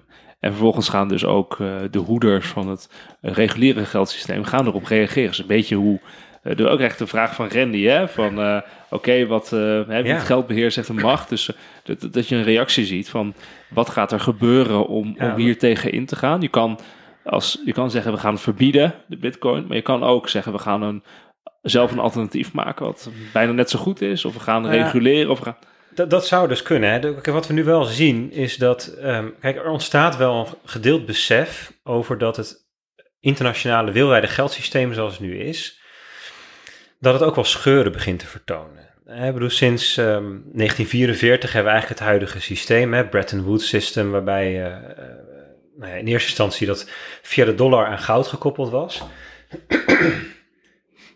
Ja, dat toen in 1971 zeiden we dag goud. goudkoppeling losgelaten. En sindsdien ehm, zie je dat er natuurlijk ontzettend veel schulden zijn gemaakt. Hè. De totale schulden wereldwijd is 3,5 keer de wereldeconomie aan omvang. Eh, 280 biljoen aan schuld is er.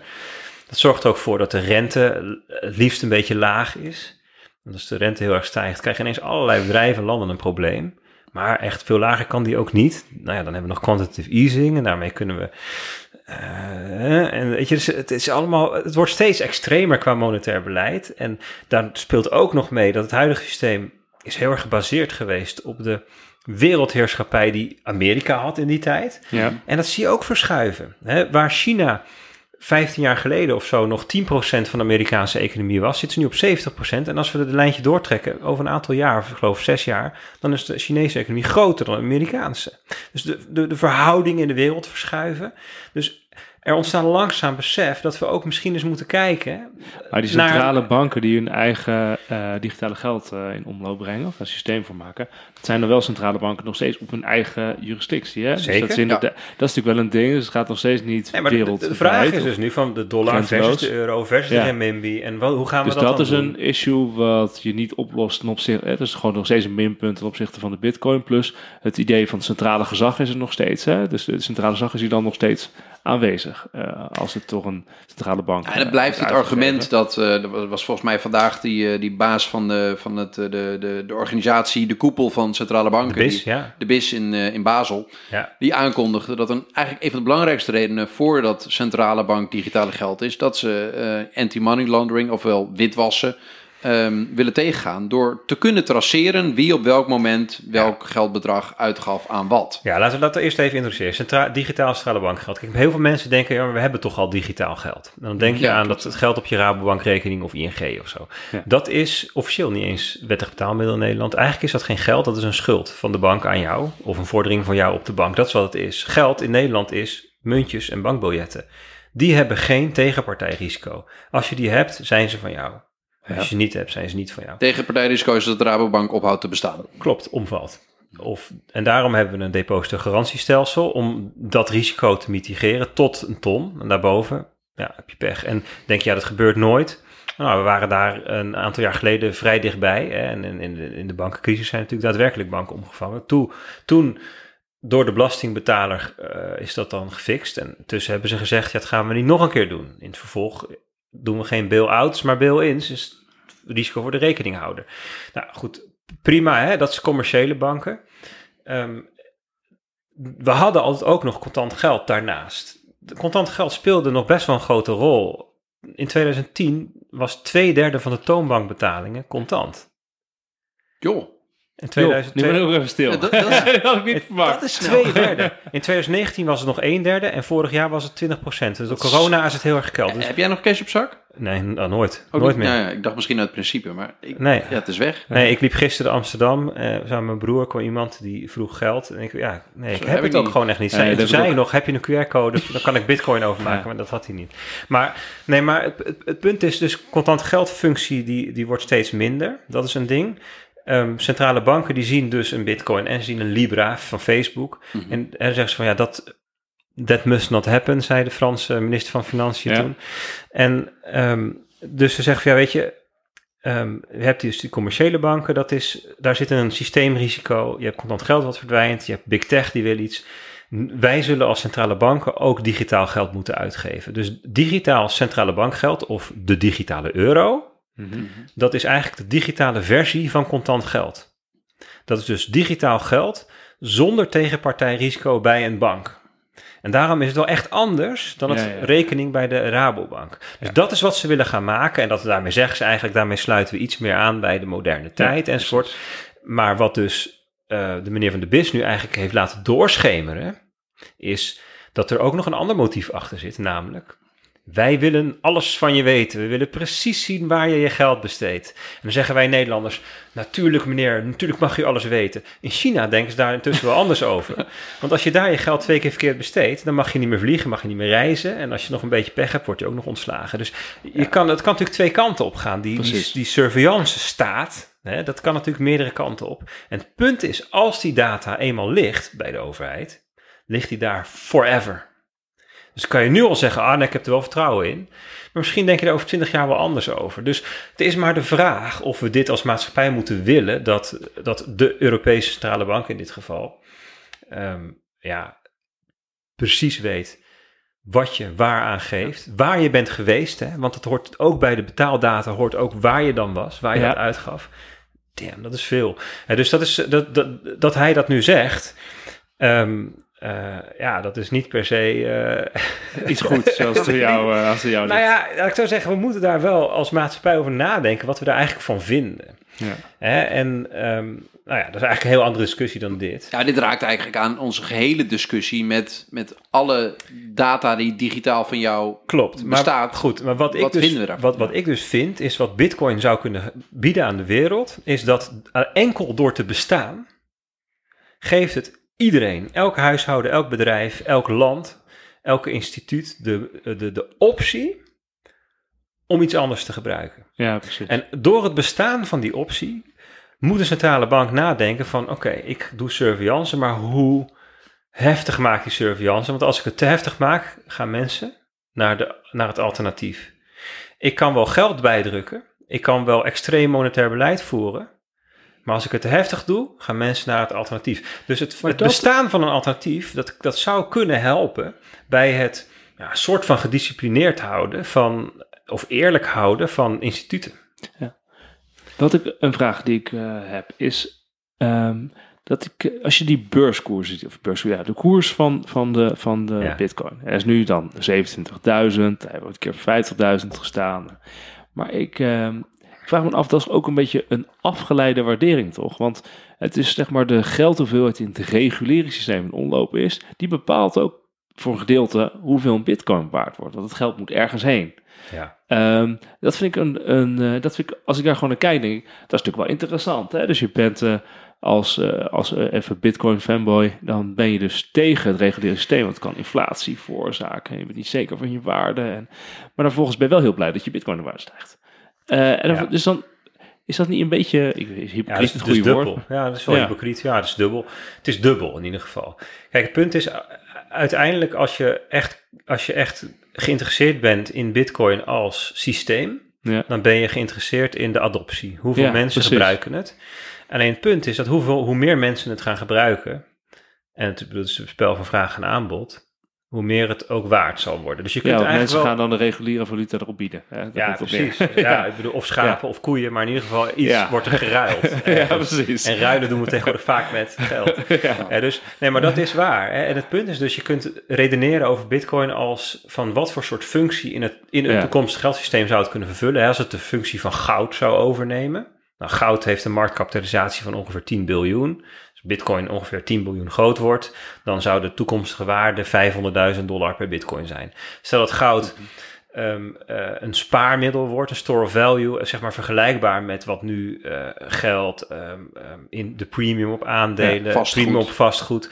Dan zou je kunnen zeggen, orde grootte van 100 biljoen. Nou, dan heb je het over een bitcoin waarde van 5 miljoen per stuk. Ja. Maar dat zijn dus wel echt twee verschillende. Even dus de, de, de vraag inderdaad van hoe waardeer je het en dat het inderdaad nu gewaardeerd wordt in euro's of dollars. Moet, Ja. hè, dat, dat is een andere. En, en dus Nee, de maar- vraag gaat het dan, wordt dan volatiel en is het een risicovolle belegging? Dat is echt een andere discussie Klopt. dan wat is de functie eigenlijk van de Nee, maar, bitcoin? maar ik bedoel maar zeggen van het gat tussen wat, het, wat de koers nu is en wat de koers kan worden. Dat gat is ongeveer even groot als het gat tussen hoeveel procent gebruik van de wereld gebruikt het nu en hoeveel procent zou het kunnen gebruiken. ja, want dat Dus is de, de- volgende vraag. De waar ik koers eigenlijk- houdt een beetje een soort van gelijke met de adoptie. Dat is wat we eigenlijk zien. Want dat vind ik het volgende wat ik mij eh, wat ik interessant vind. Van, we zijn ooit een keer van het goud afgestapt, de gouden standaard afgestapt. Omdat we Ja. dachten, hé, hey, er is één vaste hoeveelheid en dat past niet meer. dat, gaat, dat, dat, dat, dat, dat, dat, dat valt uit. Hè? Dus we zijn we op de dollar overgestapt en dan kunnen we verruimen als even.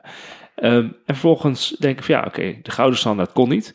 Maar de bitcoin is vastgelegd in hoeveelheid muntjes. Eh, hè? Ja. Dus o- dat is ook eigenlijk een standaard, de bitcoin standaard. Klopt. Dus eh, in die zin zou je zeggen dat het ook niet houdbaar is. Als je er met z'n Waarom, allen waarom dan? Dat snap ik niet. Ja, waarom was de gouden standaard niet houdbaar? Eh, ja, dit is eigenlijk een goede vraag. wa- Want Ja, dat- eh, ik, ik ben geen kijk, econoom. ik denk dus, vragen. ik denk dus vervolgens, wat ik dus vooral denk is van, als je dit doortrekt, zou er op een bepaald moment, ehm, zou er dus een discussie kunnen ontstaan, kan de, moeten er niet meer bitcoins bij komen? Ja. Ja, ik denk, je moet er denk een aantal dingen uit elkaar trekken. Als je Bitcoin zou zien als het enige systeem of als een standaard, dus een vaste Ja. koppeling met andere munten, zoals Ja. goud dat was, dan zou het kunnen zijn dat de rigiditeit een probleem wordt. Ja. En dat kan zich bijvoorbeeld uiten in, eh, er is een overtuiging, zeker in de economische hoofdstroom nu, dat deflatie een probleem is Ja, daar zijn de laatste woorden denk ik nog niet over gezegd. Er zijn namelijk meerdere manieren om daarnaar te kijken. Deflatie is natuurlijk slecht als het voortkomt uit somberheid van mensen. Die dus Ja. negatieve verwachting hebben en de bestedingen uitstellen. Waardoor ja. bedrijven minder omzet hebben en mensen moeten ontslaan. En dat is een soort negatieve spiraal. Maar er is ook deflatie die voortkomt uit technologische ontwikkeling en globalisering en automatisering. En die is eigenlijk goed voor de maatschappij, want dingen worden gewoon goedkoper en de welvaart stijgt. Ja. En ehm, laat ik zo zeggen, de, de, de economen zijn er met elkaar eigenlijk nog niet helemaal over uit. Ehm, er is niet per se unanimiteit over dat deflatie per definitie alleen maar slecht is. Nee, maar Dus die wil ik eventjes parkeren. Maar stel nou dat je zegt, het is een probleem dat de hoeveelheid eh, van bitcoin vast is. Ehm, eh, Ja, dus even bij de Dan- goudstandaard was gewoon het probleem van... oké, iedereen dacht op het moment dat ik een... ik kan voor een, voor een, eh, een gulden een bepaalde goud krijgen. Ja. vastgekoppeld. Ehm, en een tijdje blijkt dat er zoveel guldens in omloop zijn... dat dat niet meer houdbaar is. Nee. Hè?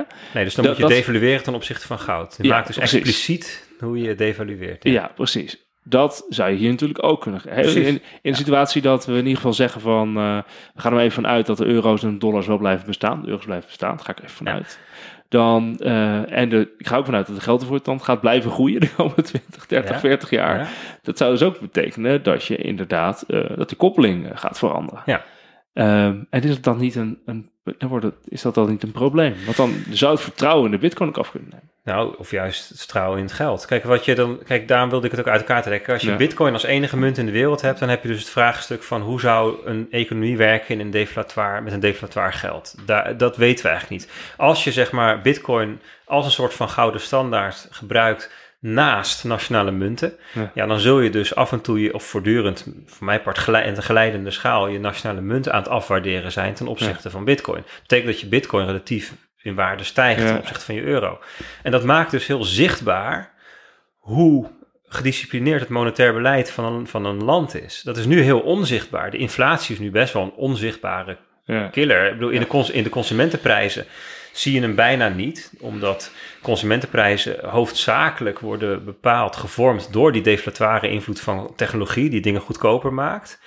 Maar je ziet bijvoorbeeld wel in huizenprijzen die dan 20% stijgen, of aandelenbeurs die Ja. verhogen worden, of eh, hele schaarse goederen die ook steeds duurder worden, luxe artikelen enzovoort. Ehm, en, en nu kunnen, weet je, nu kunnen eh, eh, centrale banken best wel hun gang gaan. En als je Ja. inderdaad bitcoin als een soort van contrastvloeistof hebt, Ja, ja, nee, Ja, dat, dat, dan- dat ga je dan wel zien. Ja, Dan ga je dat ga je zien. zeker zien. En is er dus iemand, kan er iemand zeggen, oké, laten we toch maar eh, 60 miljoen bitcoins maken? Ja, dat kan. Als alle bitcoiners bij elkaar, alle bitcoinbezitters met elkaar daar consensus over bereiken. Als ze met elkaar zeggen, dit vinden wij een goed idee. Ja. 95 procent, dat, is- dat wordt nu vaak gehanteerd als grens voor verbeteringen, veranderingen aan het protocol. Dan kan dat. Dus eigenlijk, ehm, Dus je kan ook de, de geldhoeveelheid van bitcoins kan je ook verruimen. als je ja. Als, als het collectief het met elkaar eens is dat dat het beste is voor het protocol. Net zo, maar weet je, ik, ik gebruik wel eens als analogie. Ja, we zou, of de Amerika zou ook de slavernij weer in kunnen voeren. Als iedereen met elkaar besluit dat dat het beste is, dan zou dat kunnen. Kans dat gebeurt is heel klein. Ja. Hè? En de kans. niet echt in het, ja, maar het is het, toch wel... het is niet in het belang van de mensen die een bitcoin hebben om er meer te laten Nee, maken. dat vind ik het volgende. Dat, dat is natuurlijk Exact. wel waar, maar je gaat, als, gaat dat natuurlijk inderdaad natuurlijk dan niet Nee, doen. maar goed, dus- en, het, en het Nederlands parlement, of, of het Amerikaans, whatever, eh, de, in ieder geval de, de volksvertegenwoordiging kan op zijn hoofd gaan staan. eh want Maar- er moeten meer bitcoins komen. Ik even niemand die dat, eh, die, dat hoeft dan niet te gebeuren. Nee. je hoeft geen 95% Zit er dan ook assumptie bij de decentrale community of de crypto community ehm, dat bij de euro of de dollar eh, zijn er ook mensen die ontzettend vermogend zijn.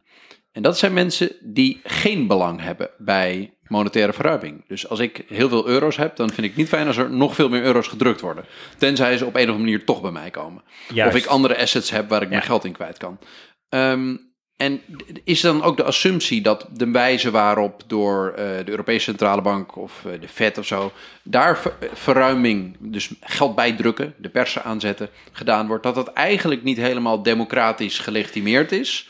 En dat misschien een systeem zoals bij Bitcoin werkt, waar 95% van de, de, de deelnemers actief akkoord moet gaan als dat gebeurt. Dus dat het protocol eigenlijk zichzelf beschermt. Dat dat veel nou ja, eerlijker is. Eigenlijk een morele kwestie. Ja, dat is het. Dat is, dat is wel hoe men er tegenaan kijkt. Kijk, als je kijkt naar ehm, hoe, wat, wat het effect is van ehm, het monetair beleid nu eh, eh, op de eurobezitters, dan profiteren rijken daar meer van dan armen. Want de rijken hebben namelijk precies die assets die heel veel Ja. meer waard worden. Die Ja. hebben de aandelen, die hebben eh, strategieën, Vastgoed. vastgoed. strategieën om, om daar slim mee om te gaan. Je hebt private bankers. Nee, maar goed, ik, er was ook een, eh, een artikel van, ehm, ehm, eh, ik geloof Theo Kokke heette die in het Financiële Dagblad. Hij is hoogleraar risicomanagement aan de VU. En hij zei, weet je, eigenlijk is die, eh, het monetair beleid, dat leidt tot een, ehm, dat, er, dat het, dat het vermogen gaat, stroomt van arm naar rijk. Het is en van- een, systeem van opwaartse En van jong naar oud. Ja, maar dat is precies, de verdeling Ja. gaat precies de verkeerde kant op eigenlijk. En, dus de, de- de- en, en ik denk, ja, dat zei overigens ook eh, Klaas Knotpas. ja, dat wil in ik net zijn, zeggen, die eh, zei dat ook. ja, Ja. en ik denk dat dat wel gewoon een pijnlijke constatering is. Dus om dat systeem maar in leven te houden. Hè, om, te, om maar te- voldoen aan, aan, nou ja, ze noemen dat dan stabilisatie, hè, dus een inflatie van 2%, moet er zo ontzettend veel geld het systeem ingepompt worden om, om het maar in leven te houden. En wie profiteren ervan? De rijken. Ten koste van wie? De armen. Kijk maar eens naar een jongere die nu gestudeerd heeft. Komt met een studieschuld komt hij op de arbeidsmarkt. Het huis wat hij wil kopen, dat wordt elk, in, sinds 2013 gemiddeld 7,3% per jaar duurder geworden. Nou, daar zitten de cijfers van dit jaar nog niet bij.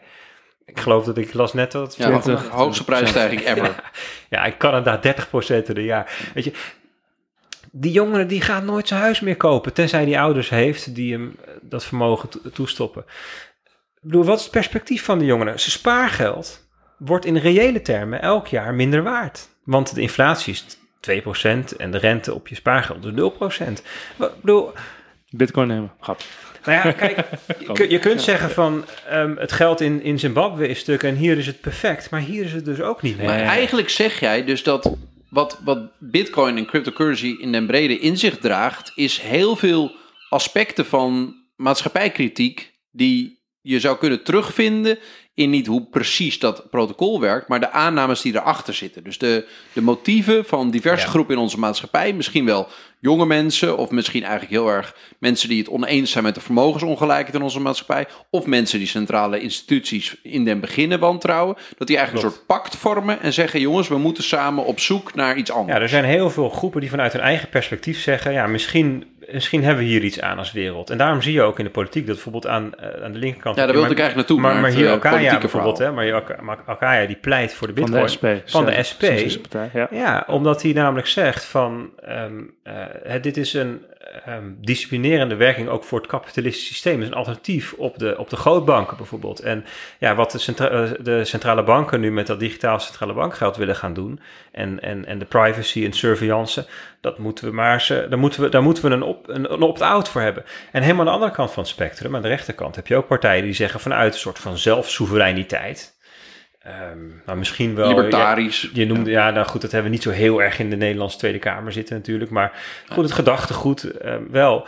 Bedoel, die kijken er van een hele andere kant naar en zien er ook waarde in. Dus ja, wat dat betreft is het ook een raar beestje.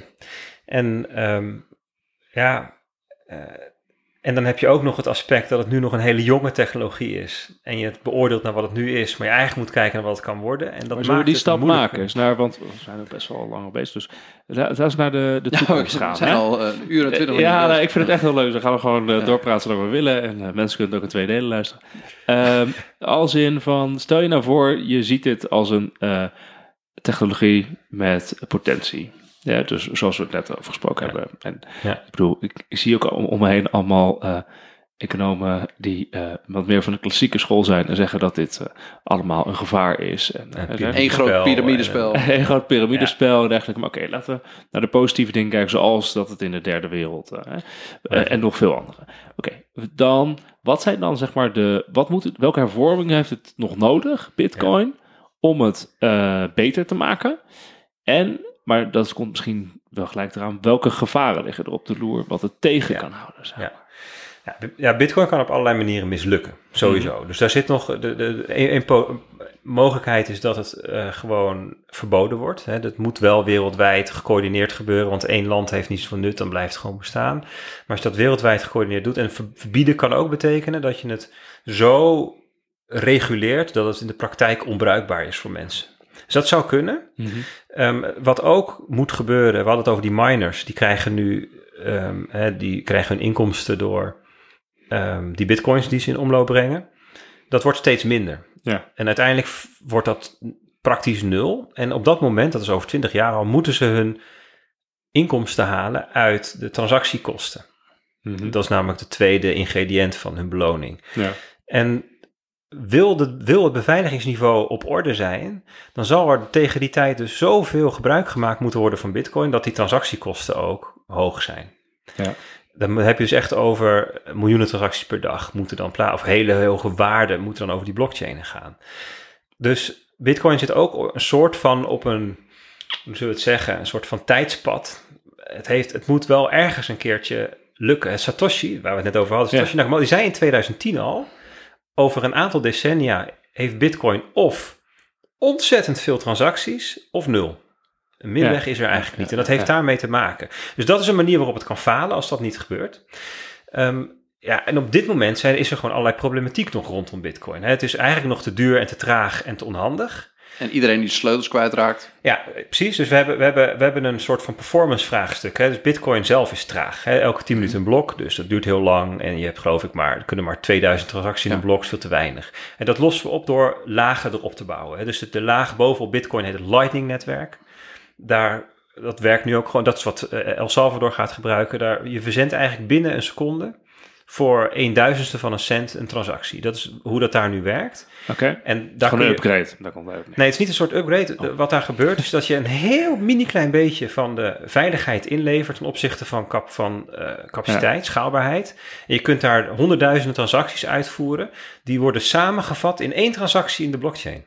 Oké. En zo kan je dus heel veel economische activiteit samenvatten in één klein stipje op de blockchain. Ja. En op die manier kan je dus, ga je In ieder schalen. geval innovatie. Ja, dus, dus- Maar, dat heeft te maken, maar dat heeft dus te maken met schaalbaarheid. Dat moeten we Ja. oplossen. En ander is gebruiksvriendelijkheid, noemde je al. Het moet zo gebruiksvriendelijk zijn. Hè? Dus dat betekent dat je moet kunnen falen. Je moet fouten kunnen maken zonder dat het gevolgen heeft. Het moet logisch zijn. Het moet handig zijn. Dat moet gebouwd worden. Dus dan moet Ja, dus even vanuit, vanuit de consument gedacht eh, is het van, oké, eh, nou wat ik net vertelde eh, over inderdaad het gewone bankensysteem is, heeft hele lage transactiekosten, is goed toegankelijk, eh, tenminste hè, voor, voor de consument. Dus op een of andere manier moet ik ook gelijk aan bitcoins kunnen komen. En op het moment dat ik inderdaad eh, mijn, eh, mijn key kwijt ben, sleutel kwijt ben, dan moet ik op een of andere manier nog wel Ja. aan de bitcoins kunnen. Dat Dus is nu toch een probleem, dat is wel leuk om even Daar te wordt aan vertellen. gebouwd. Ja, dat, dat maar Ja. klopt. Nee, als je op dit moment zelf je bitcoins in bewaring neemt, in beheer hebt, en je raakt je sleutel kwijt, Ja. ben je bitcoins kwijt. En er is geen helpdesk die je kunt bellen. Je Nee, normaal gesproken bel je dan dat centrale gezag, Ja. wat je dan kan, hopelijk kan vertrouwen en die geeft je geld. Ja. ja. precies.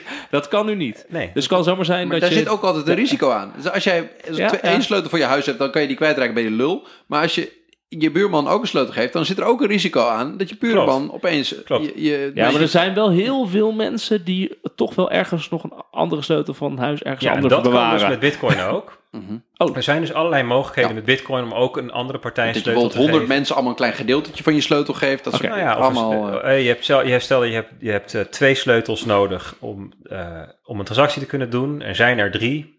Jij hebt er twee en je geeft een vertrouwde partij een derde sleutel. Die kan dus in zijn eentje niks.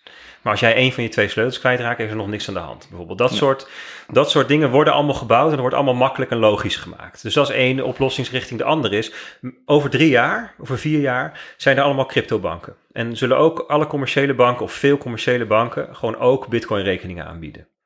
De Saxo Bank in Denemarken, die is daar nu al eigenlijk mee aan het piloten. Die kwam daarmee naar buiten. In Amerika willen ze het over twee jaar hebben staan. PayPal doet het in Amerika al, Visa doet het al. Dus zeg maar, het wordt straks gewoon toegankelijk gemaakt op de manier dat, dat het normale banksysteem er ook is. En even dat helpt gewoon heel praktisch in. Eh, ik wil eh, bitcoins hebben, dan kan ik dat bij mijn normale bank kan ik dat krijgen. Ja. Dat houdt het gewoon in. Dat dus gaat die doen heel het, eigenlijk heel de, de, heel, al het werk daarachter doet de bank voor me. Ja, dat zou Ja, ik- dus precies. eigenlijk Kijk, die en- nemen dus die transactiekosten over. Maar hetzelfde wat er ook moet gaan gebeuren, is dat als je dat digitaal centrale bankgeld straks krijgt, dat gaat de ECB ook niet naar de burger toe brengen. Dat gaan ze ook aan banken vragen om dat voor, je te, voor, voor Ja. hen te doen. En dus zo- zo'n zo'n Rabo, misschien heb je over vijf, laten we even iets, nou, over vijf jaar heb je bij de Rabobank misschien wel je veilige rekening, dat is dan de digitale euro.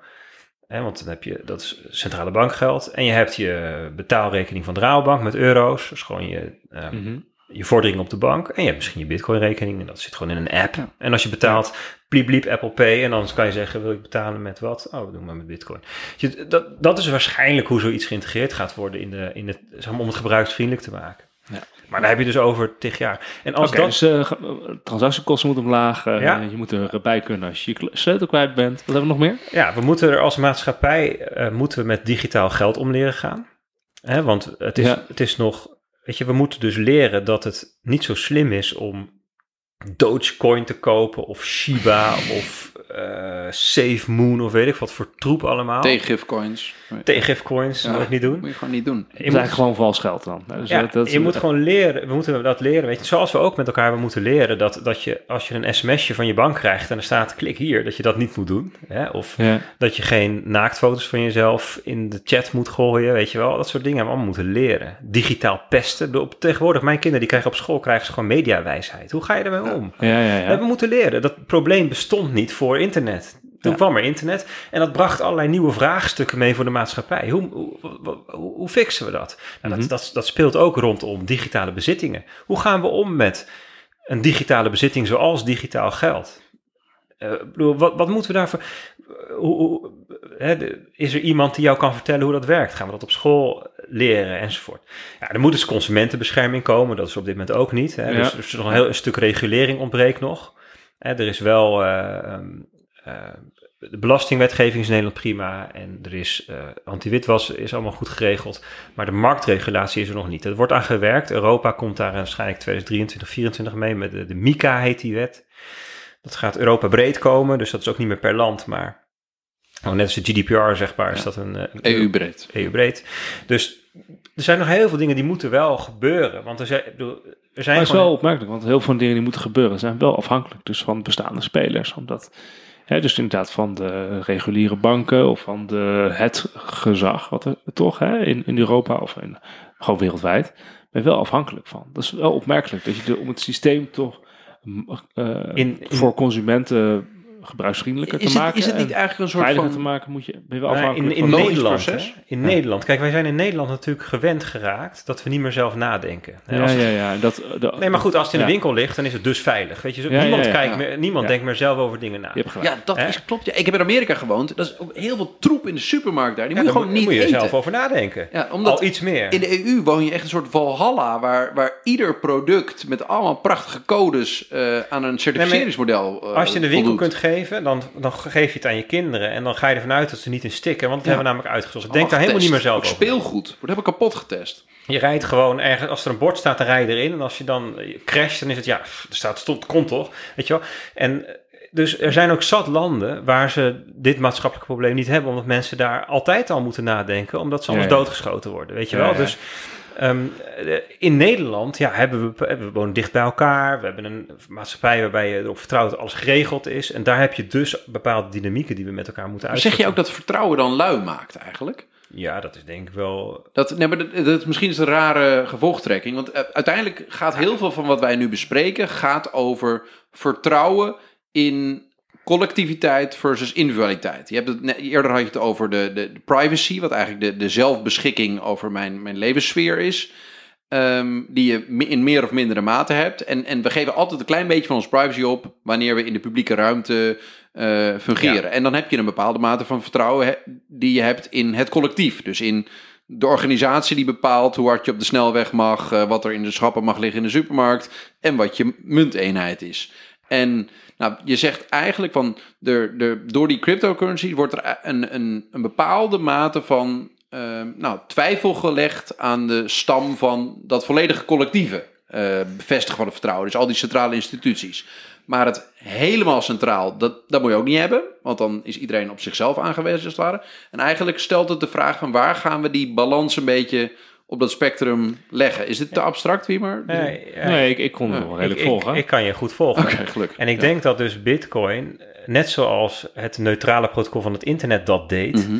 dus een instrument is om, met, om ons met elkaar te relateren aan het spectrum waar je het over hebt. Hè, en ehm, ik denk dus ook dat een, een Bitcoin in Nederland een andere rol zal vervullen dan in, nou ja, Libanon, Zimbabwe Ja, of sinds wherever. Nigeria. Ja, Dan hebben we het over de meest failed states, hè, de meest gefaalde staten. En Nederland is de meest geslaagde staat, zou je kunnen zeggen. Ja, daar zitten vers- verschillen tussen. Maar wel, een, maar wel zo'n soort contrastvloeistofachtige rol zou het kunnen spelen. Ja, ik denk dat als voor, dat voor de acceptatie in de westerse wereld dan te noemen, dat het ook wel fijn is als toch het energieverbruik wat afneemt van het hele systeem. Ik hoop dat dat zou kunnen. Nou, afnemen zal het niet, Denk ik. Ik denk dat het eerst nog een tijdje toeneemt. Want dat kun je namelijk redelijk goed uitrekenen aan de hand van eh, de beloning die de miners krijgen. Ja. Ehm, het, zal niet, het groeit niet exponentieel. Het wordt ook niet honderd keer zo groot. Het wordt niet oneindig. Dat is allemaal kul. Maar het neemt nog wel iets toe. En, en daarna zal het wellicht weer wat afnemen. Hè, als die transactiekosten alles moeten ophoesten straks. ja. Maar het zal altijd wel iets in de orde grootte van wat het nu verbruikt. Zal het wel blijven gebruiken. Oké. En daar moeten we dus met elkaar akkoord mee. Kijk, wat het nu gebruikt, dat is minder dan alle kerstverlichting in de Ja, wereld. Mooi, Het is- mooi, het is, het, is, vergelijking. het is minder dan alle aquariums. Het is ehm een tiende van alle gebouwenkoeling in de Verenigde Staten. Dus er zijn heel veel dingen die, eh, die, we, ehm, die niet levensreddend zijn, maar waarvan we wel met elkaar vinden dat het het waard is. En de vraag is, zit bitcoin wel of niet in dat rijtje? En Ja. als jij denkt dat het ehm, vooral een casino is, of dat er vooral mee gefraudeerd wordt, weet je, ja, dan snap ik dat je zegt, laten we ermee Ja, kappen. dat- en, dat is en de energie is het niet waard. Allebei, weet je Ja, wel. ja, ja. Nee, dus dat is het beeld, hè? Ja. Dat vaak eh, naar voren wordt gebracht. Ja, daar ben ik het dan ook mee eens. hè. Dus als, als, als je zeg maar als uitgangspunt neemt, het heeft, bedoel, eh, als je, als je zegt het heeft alleen maar negatieve bijwerkingen, dan is energie niet eens een discussie. Dan moet je er gewoon überhaupt mee stoppen. Nee, dat is de, de, maar- de MKBA valt dan negatief uit. eh Precies. De kostenbaatanalyse. Exact, exact. Vooral dat je geen baten ziet.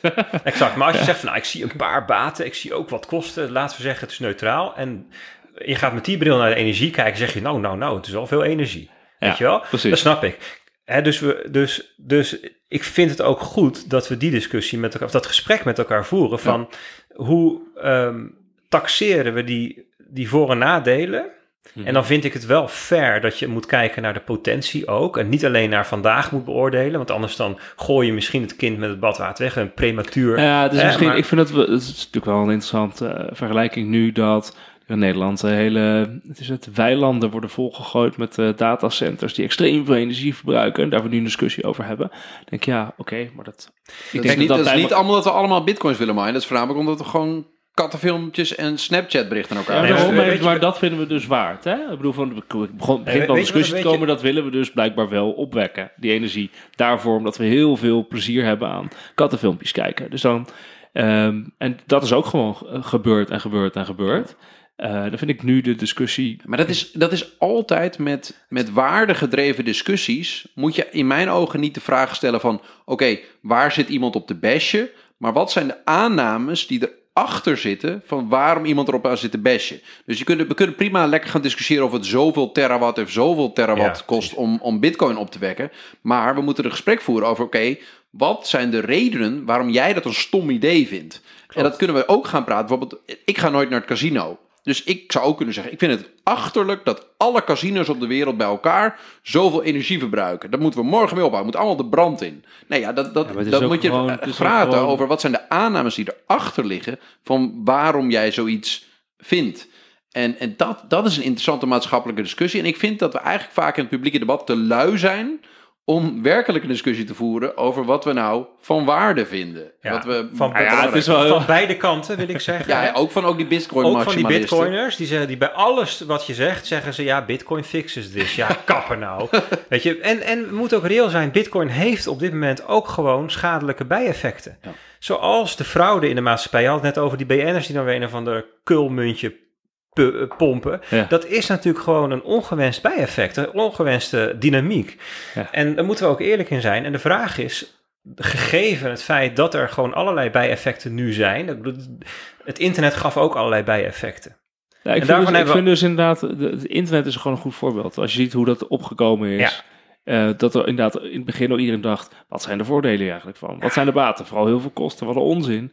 En Alleen het verschil en- was wel dat de, de, bijvoorbeeld het energieverbruik van het internet, ehm, dat schaalde mee met hoeveel gebruik er was. En bij Bitcoin is het, het bestaat en het energieverbruik is niet afhankelijk van hoeveel gebruik ervan gemaakt wordt. Of je nou één transactie doet of miljard, energieverbruik is constant. En dat betekent dat het nu relatief veel energie verbruikt voor hoeveel gebruik ervan gemaakt wordt. Ja, ja, ja. Dus Bitcoin, zoals het nu is, vind ik het eigenlijk ook niet sustainable. En dus als dit het is, als dit het hoogtepunt van Bitcoin is, dan zeg ik, Kunnen we te kappen. kun je beter kappen. Ja. En, maar als maar- er nog miljarden gebruikers bij komen, en het heeft een, dan- het heeft een of eh, miljarden transacties. ja, en het, en het, het maakt ontzettend veel eh, voor allerlei verschillende soorten mensen, verschillende soorten waarden beschikbaar. En het disciplineert eh, onze centrale banken en onze overheden die surf, willen surveilleren. En verzint allemaal maar allemaal dat soort. Ja, zeg ik, nou ja, dan mag het misschien zelf nog wel meer gebruiken. Weet je wel? Dus dit- daar hangt het heel erg van af. En het punt is, ja, ik kan wel allerlei perspectieven schetsen. Ik weet ook niet of het, of het gaat gebeuren. Ja. En, en, en eigenlijk mijn enige hoop is dat wij met elkaar zeggen, laten we het een kans geven. En het aardige is namelijk dat, dat als het niet tot wasdom komt, dan faalt het vanzelf. Dat zo is het eigenlijk ontworpen. Ja, precies. En dan heeft het ook geen energie meer, gebruikt geen energie meer. En wat denk je nou dat, even toch de vraag van Randy beantwoorden, die centrale machthebbers, die nu over het, eh, wie het geld beheerst, heeft de macht. Wat denk je dat die de komende jaren eh, zullen doen? Ja, Hoe gaan die proberen het in hun greep te krijgen? Ja, dat is dus een interessante vraag. En ik had dus, dat vertelde ik aan het begin, verwacht eigenlijk dat ze in- al vijf jaar geleden er een streep door zouden zetten. En het verbaast me dat ze dat niet hebben gedaan. Ja, en het zou dus kunnen dat de machten zien dat het ook wel voordelen heeft. Of dat gewoon niet te verbieden valt bijna, omdat ja, het dat dus wereldwijd dat, is. kijk, Ja. dat is uiteindelijk, we komen ergens een keer op een punt dat, dat, dat, dat, dat, het eigenlijk niet meer fatsoenlijk te verbieden is. Ja. Hoewel je een eind kan gaan, hè. Ik bedoel, China verbiedt het internet ook nog steeds. Als je in China Ja, woont, kan ja, je heel moeilijk gedeeltes gewoon afgesneden. Ja, en, de meeste Chinezen die hebben hebben dan wel weer VPN's en we kunnen dan wel, weet je, moeilijk, moeilijk. Maar uiteindelijk kun je als land, hè, als ja, je maar in maar... de westerse wereld is het heel lastig om dit te gaan verbieden in een liberale samenleving. Klopt. Dus, Ja, dus kijk, bijvoorbeeld, neem het voorbeeld van een commerciële bank. Hè. Dat is best wel een machtspartij nu in het systeem. Ja. Plus trouwens dat dus even vanuit onszelf, even vanuit westerse landen geredeneerd van ga je dit, dit verbieden, maar als elk niet-westers land het ongeveer, in ieder geval als elk derde wereldland en elk land in, eh, nou, elk land in Afrika en Zuid-Amerika, als die het allemaal adopteren, dan heeft dat ook zoveel macht, dan moeten wij er wat mee, volgens mij. Dat is een netwerkeffect weer. Ja, dan, dus dan, moeten we netwerkeffect. ons ertoe verhouden. Ja, precies. Dan kunnen we niet zeggen, oh, wij verbieden het hier, eh door onze oren en ogen Ja, dicht. of als India met 1,3 miljard mensen zegt van nou, dat is toch wel een goed idee. precies. Als, weet je wel. Maar neem even de commerciële bank of de financiële sector als voorbeeld. De banken staan onder druk, hè, want die krijgen die, die, hun traditionele verdienmodel staat onwijs onder druk, hè, want spaargeld, ehm, dat, daar verdienen ze geen geld meer mee. En ehm, eh, Hypotheekrente is er ook niet zoveel meer. Exact. Dus adviesdiensten kunnen ze niet meer zomaar eh, die provisies opvragen. Eh, ze krijgen concurrentie van Facebook met Libra. Ze krijgen concurrentie van centrale banken. Ehm, ze, ze krijgen een, hebben, staan onder enorme druk vanuit toezichthouders. Hè, al die, al die ehm, KYC-dingen die ze moeten doen, die dossiers die ze op orde moeten hebben. En er zijn heel veel kosten mee gemoeid. Maar consumenten willen eigenlijk niet betalen voor bankdiensten. Dus het, het verdienmodel van commerciële banken staat best wel onder druk. De kapitaaleisen worden steeds strenger intussen. Ja, misschien zeggen ze wel, nou, bitcoin, crypto, kunnen we, dat best, kan best onderdeel van ons verdienmodel worden. Dus het kan best zijn dat, dat, dat allerlei machtspartijen op een of andere manier nou ja, zich in Ja, Incorporeren en overnemen is altijd een goede strategie. Iedere bank heeft tegenwoordig een blockchain lab. Ja, maar ze zijn nu nog op dit moment ehm, als de dood om daadwerkelijk cryptodiensten aan te bieden, omdat, ze, eh, omdat het toezicht erop nog ehm, te spannend is. Ja. In Nederland, hè? In, in andere Europese landen lopen ze veel verder voorop. Maar het komt ook omdat de Nederlandse bank best wel conservatief erin staat. Eh, op een of andere manier, als, ik- als ik dat vergelijk met toezichthouders in andere landen, daar zijn ze wat meer van, nou ja, weet je, laten we toch op zijn minst mee experimenteren. Want Ah, DNB en AFM heeft ook best wel wat blockchain-minded mensen daarop. ja, maar vooral blockchain, Ja. niet bitcoin. Ja, nee, dat, dat is waar. Ja.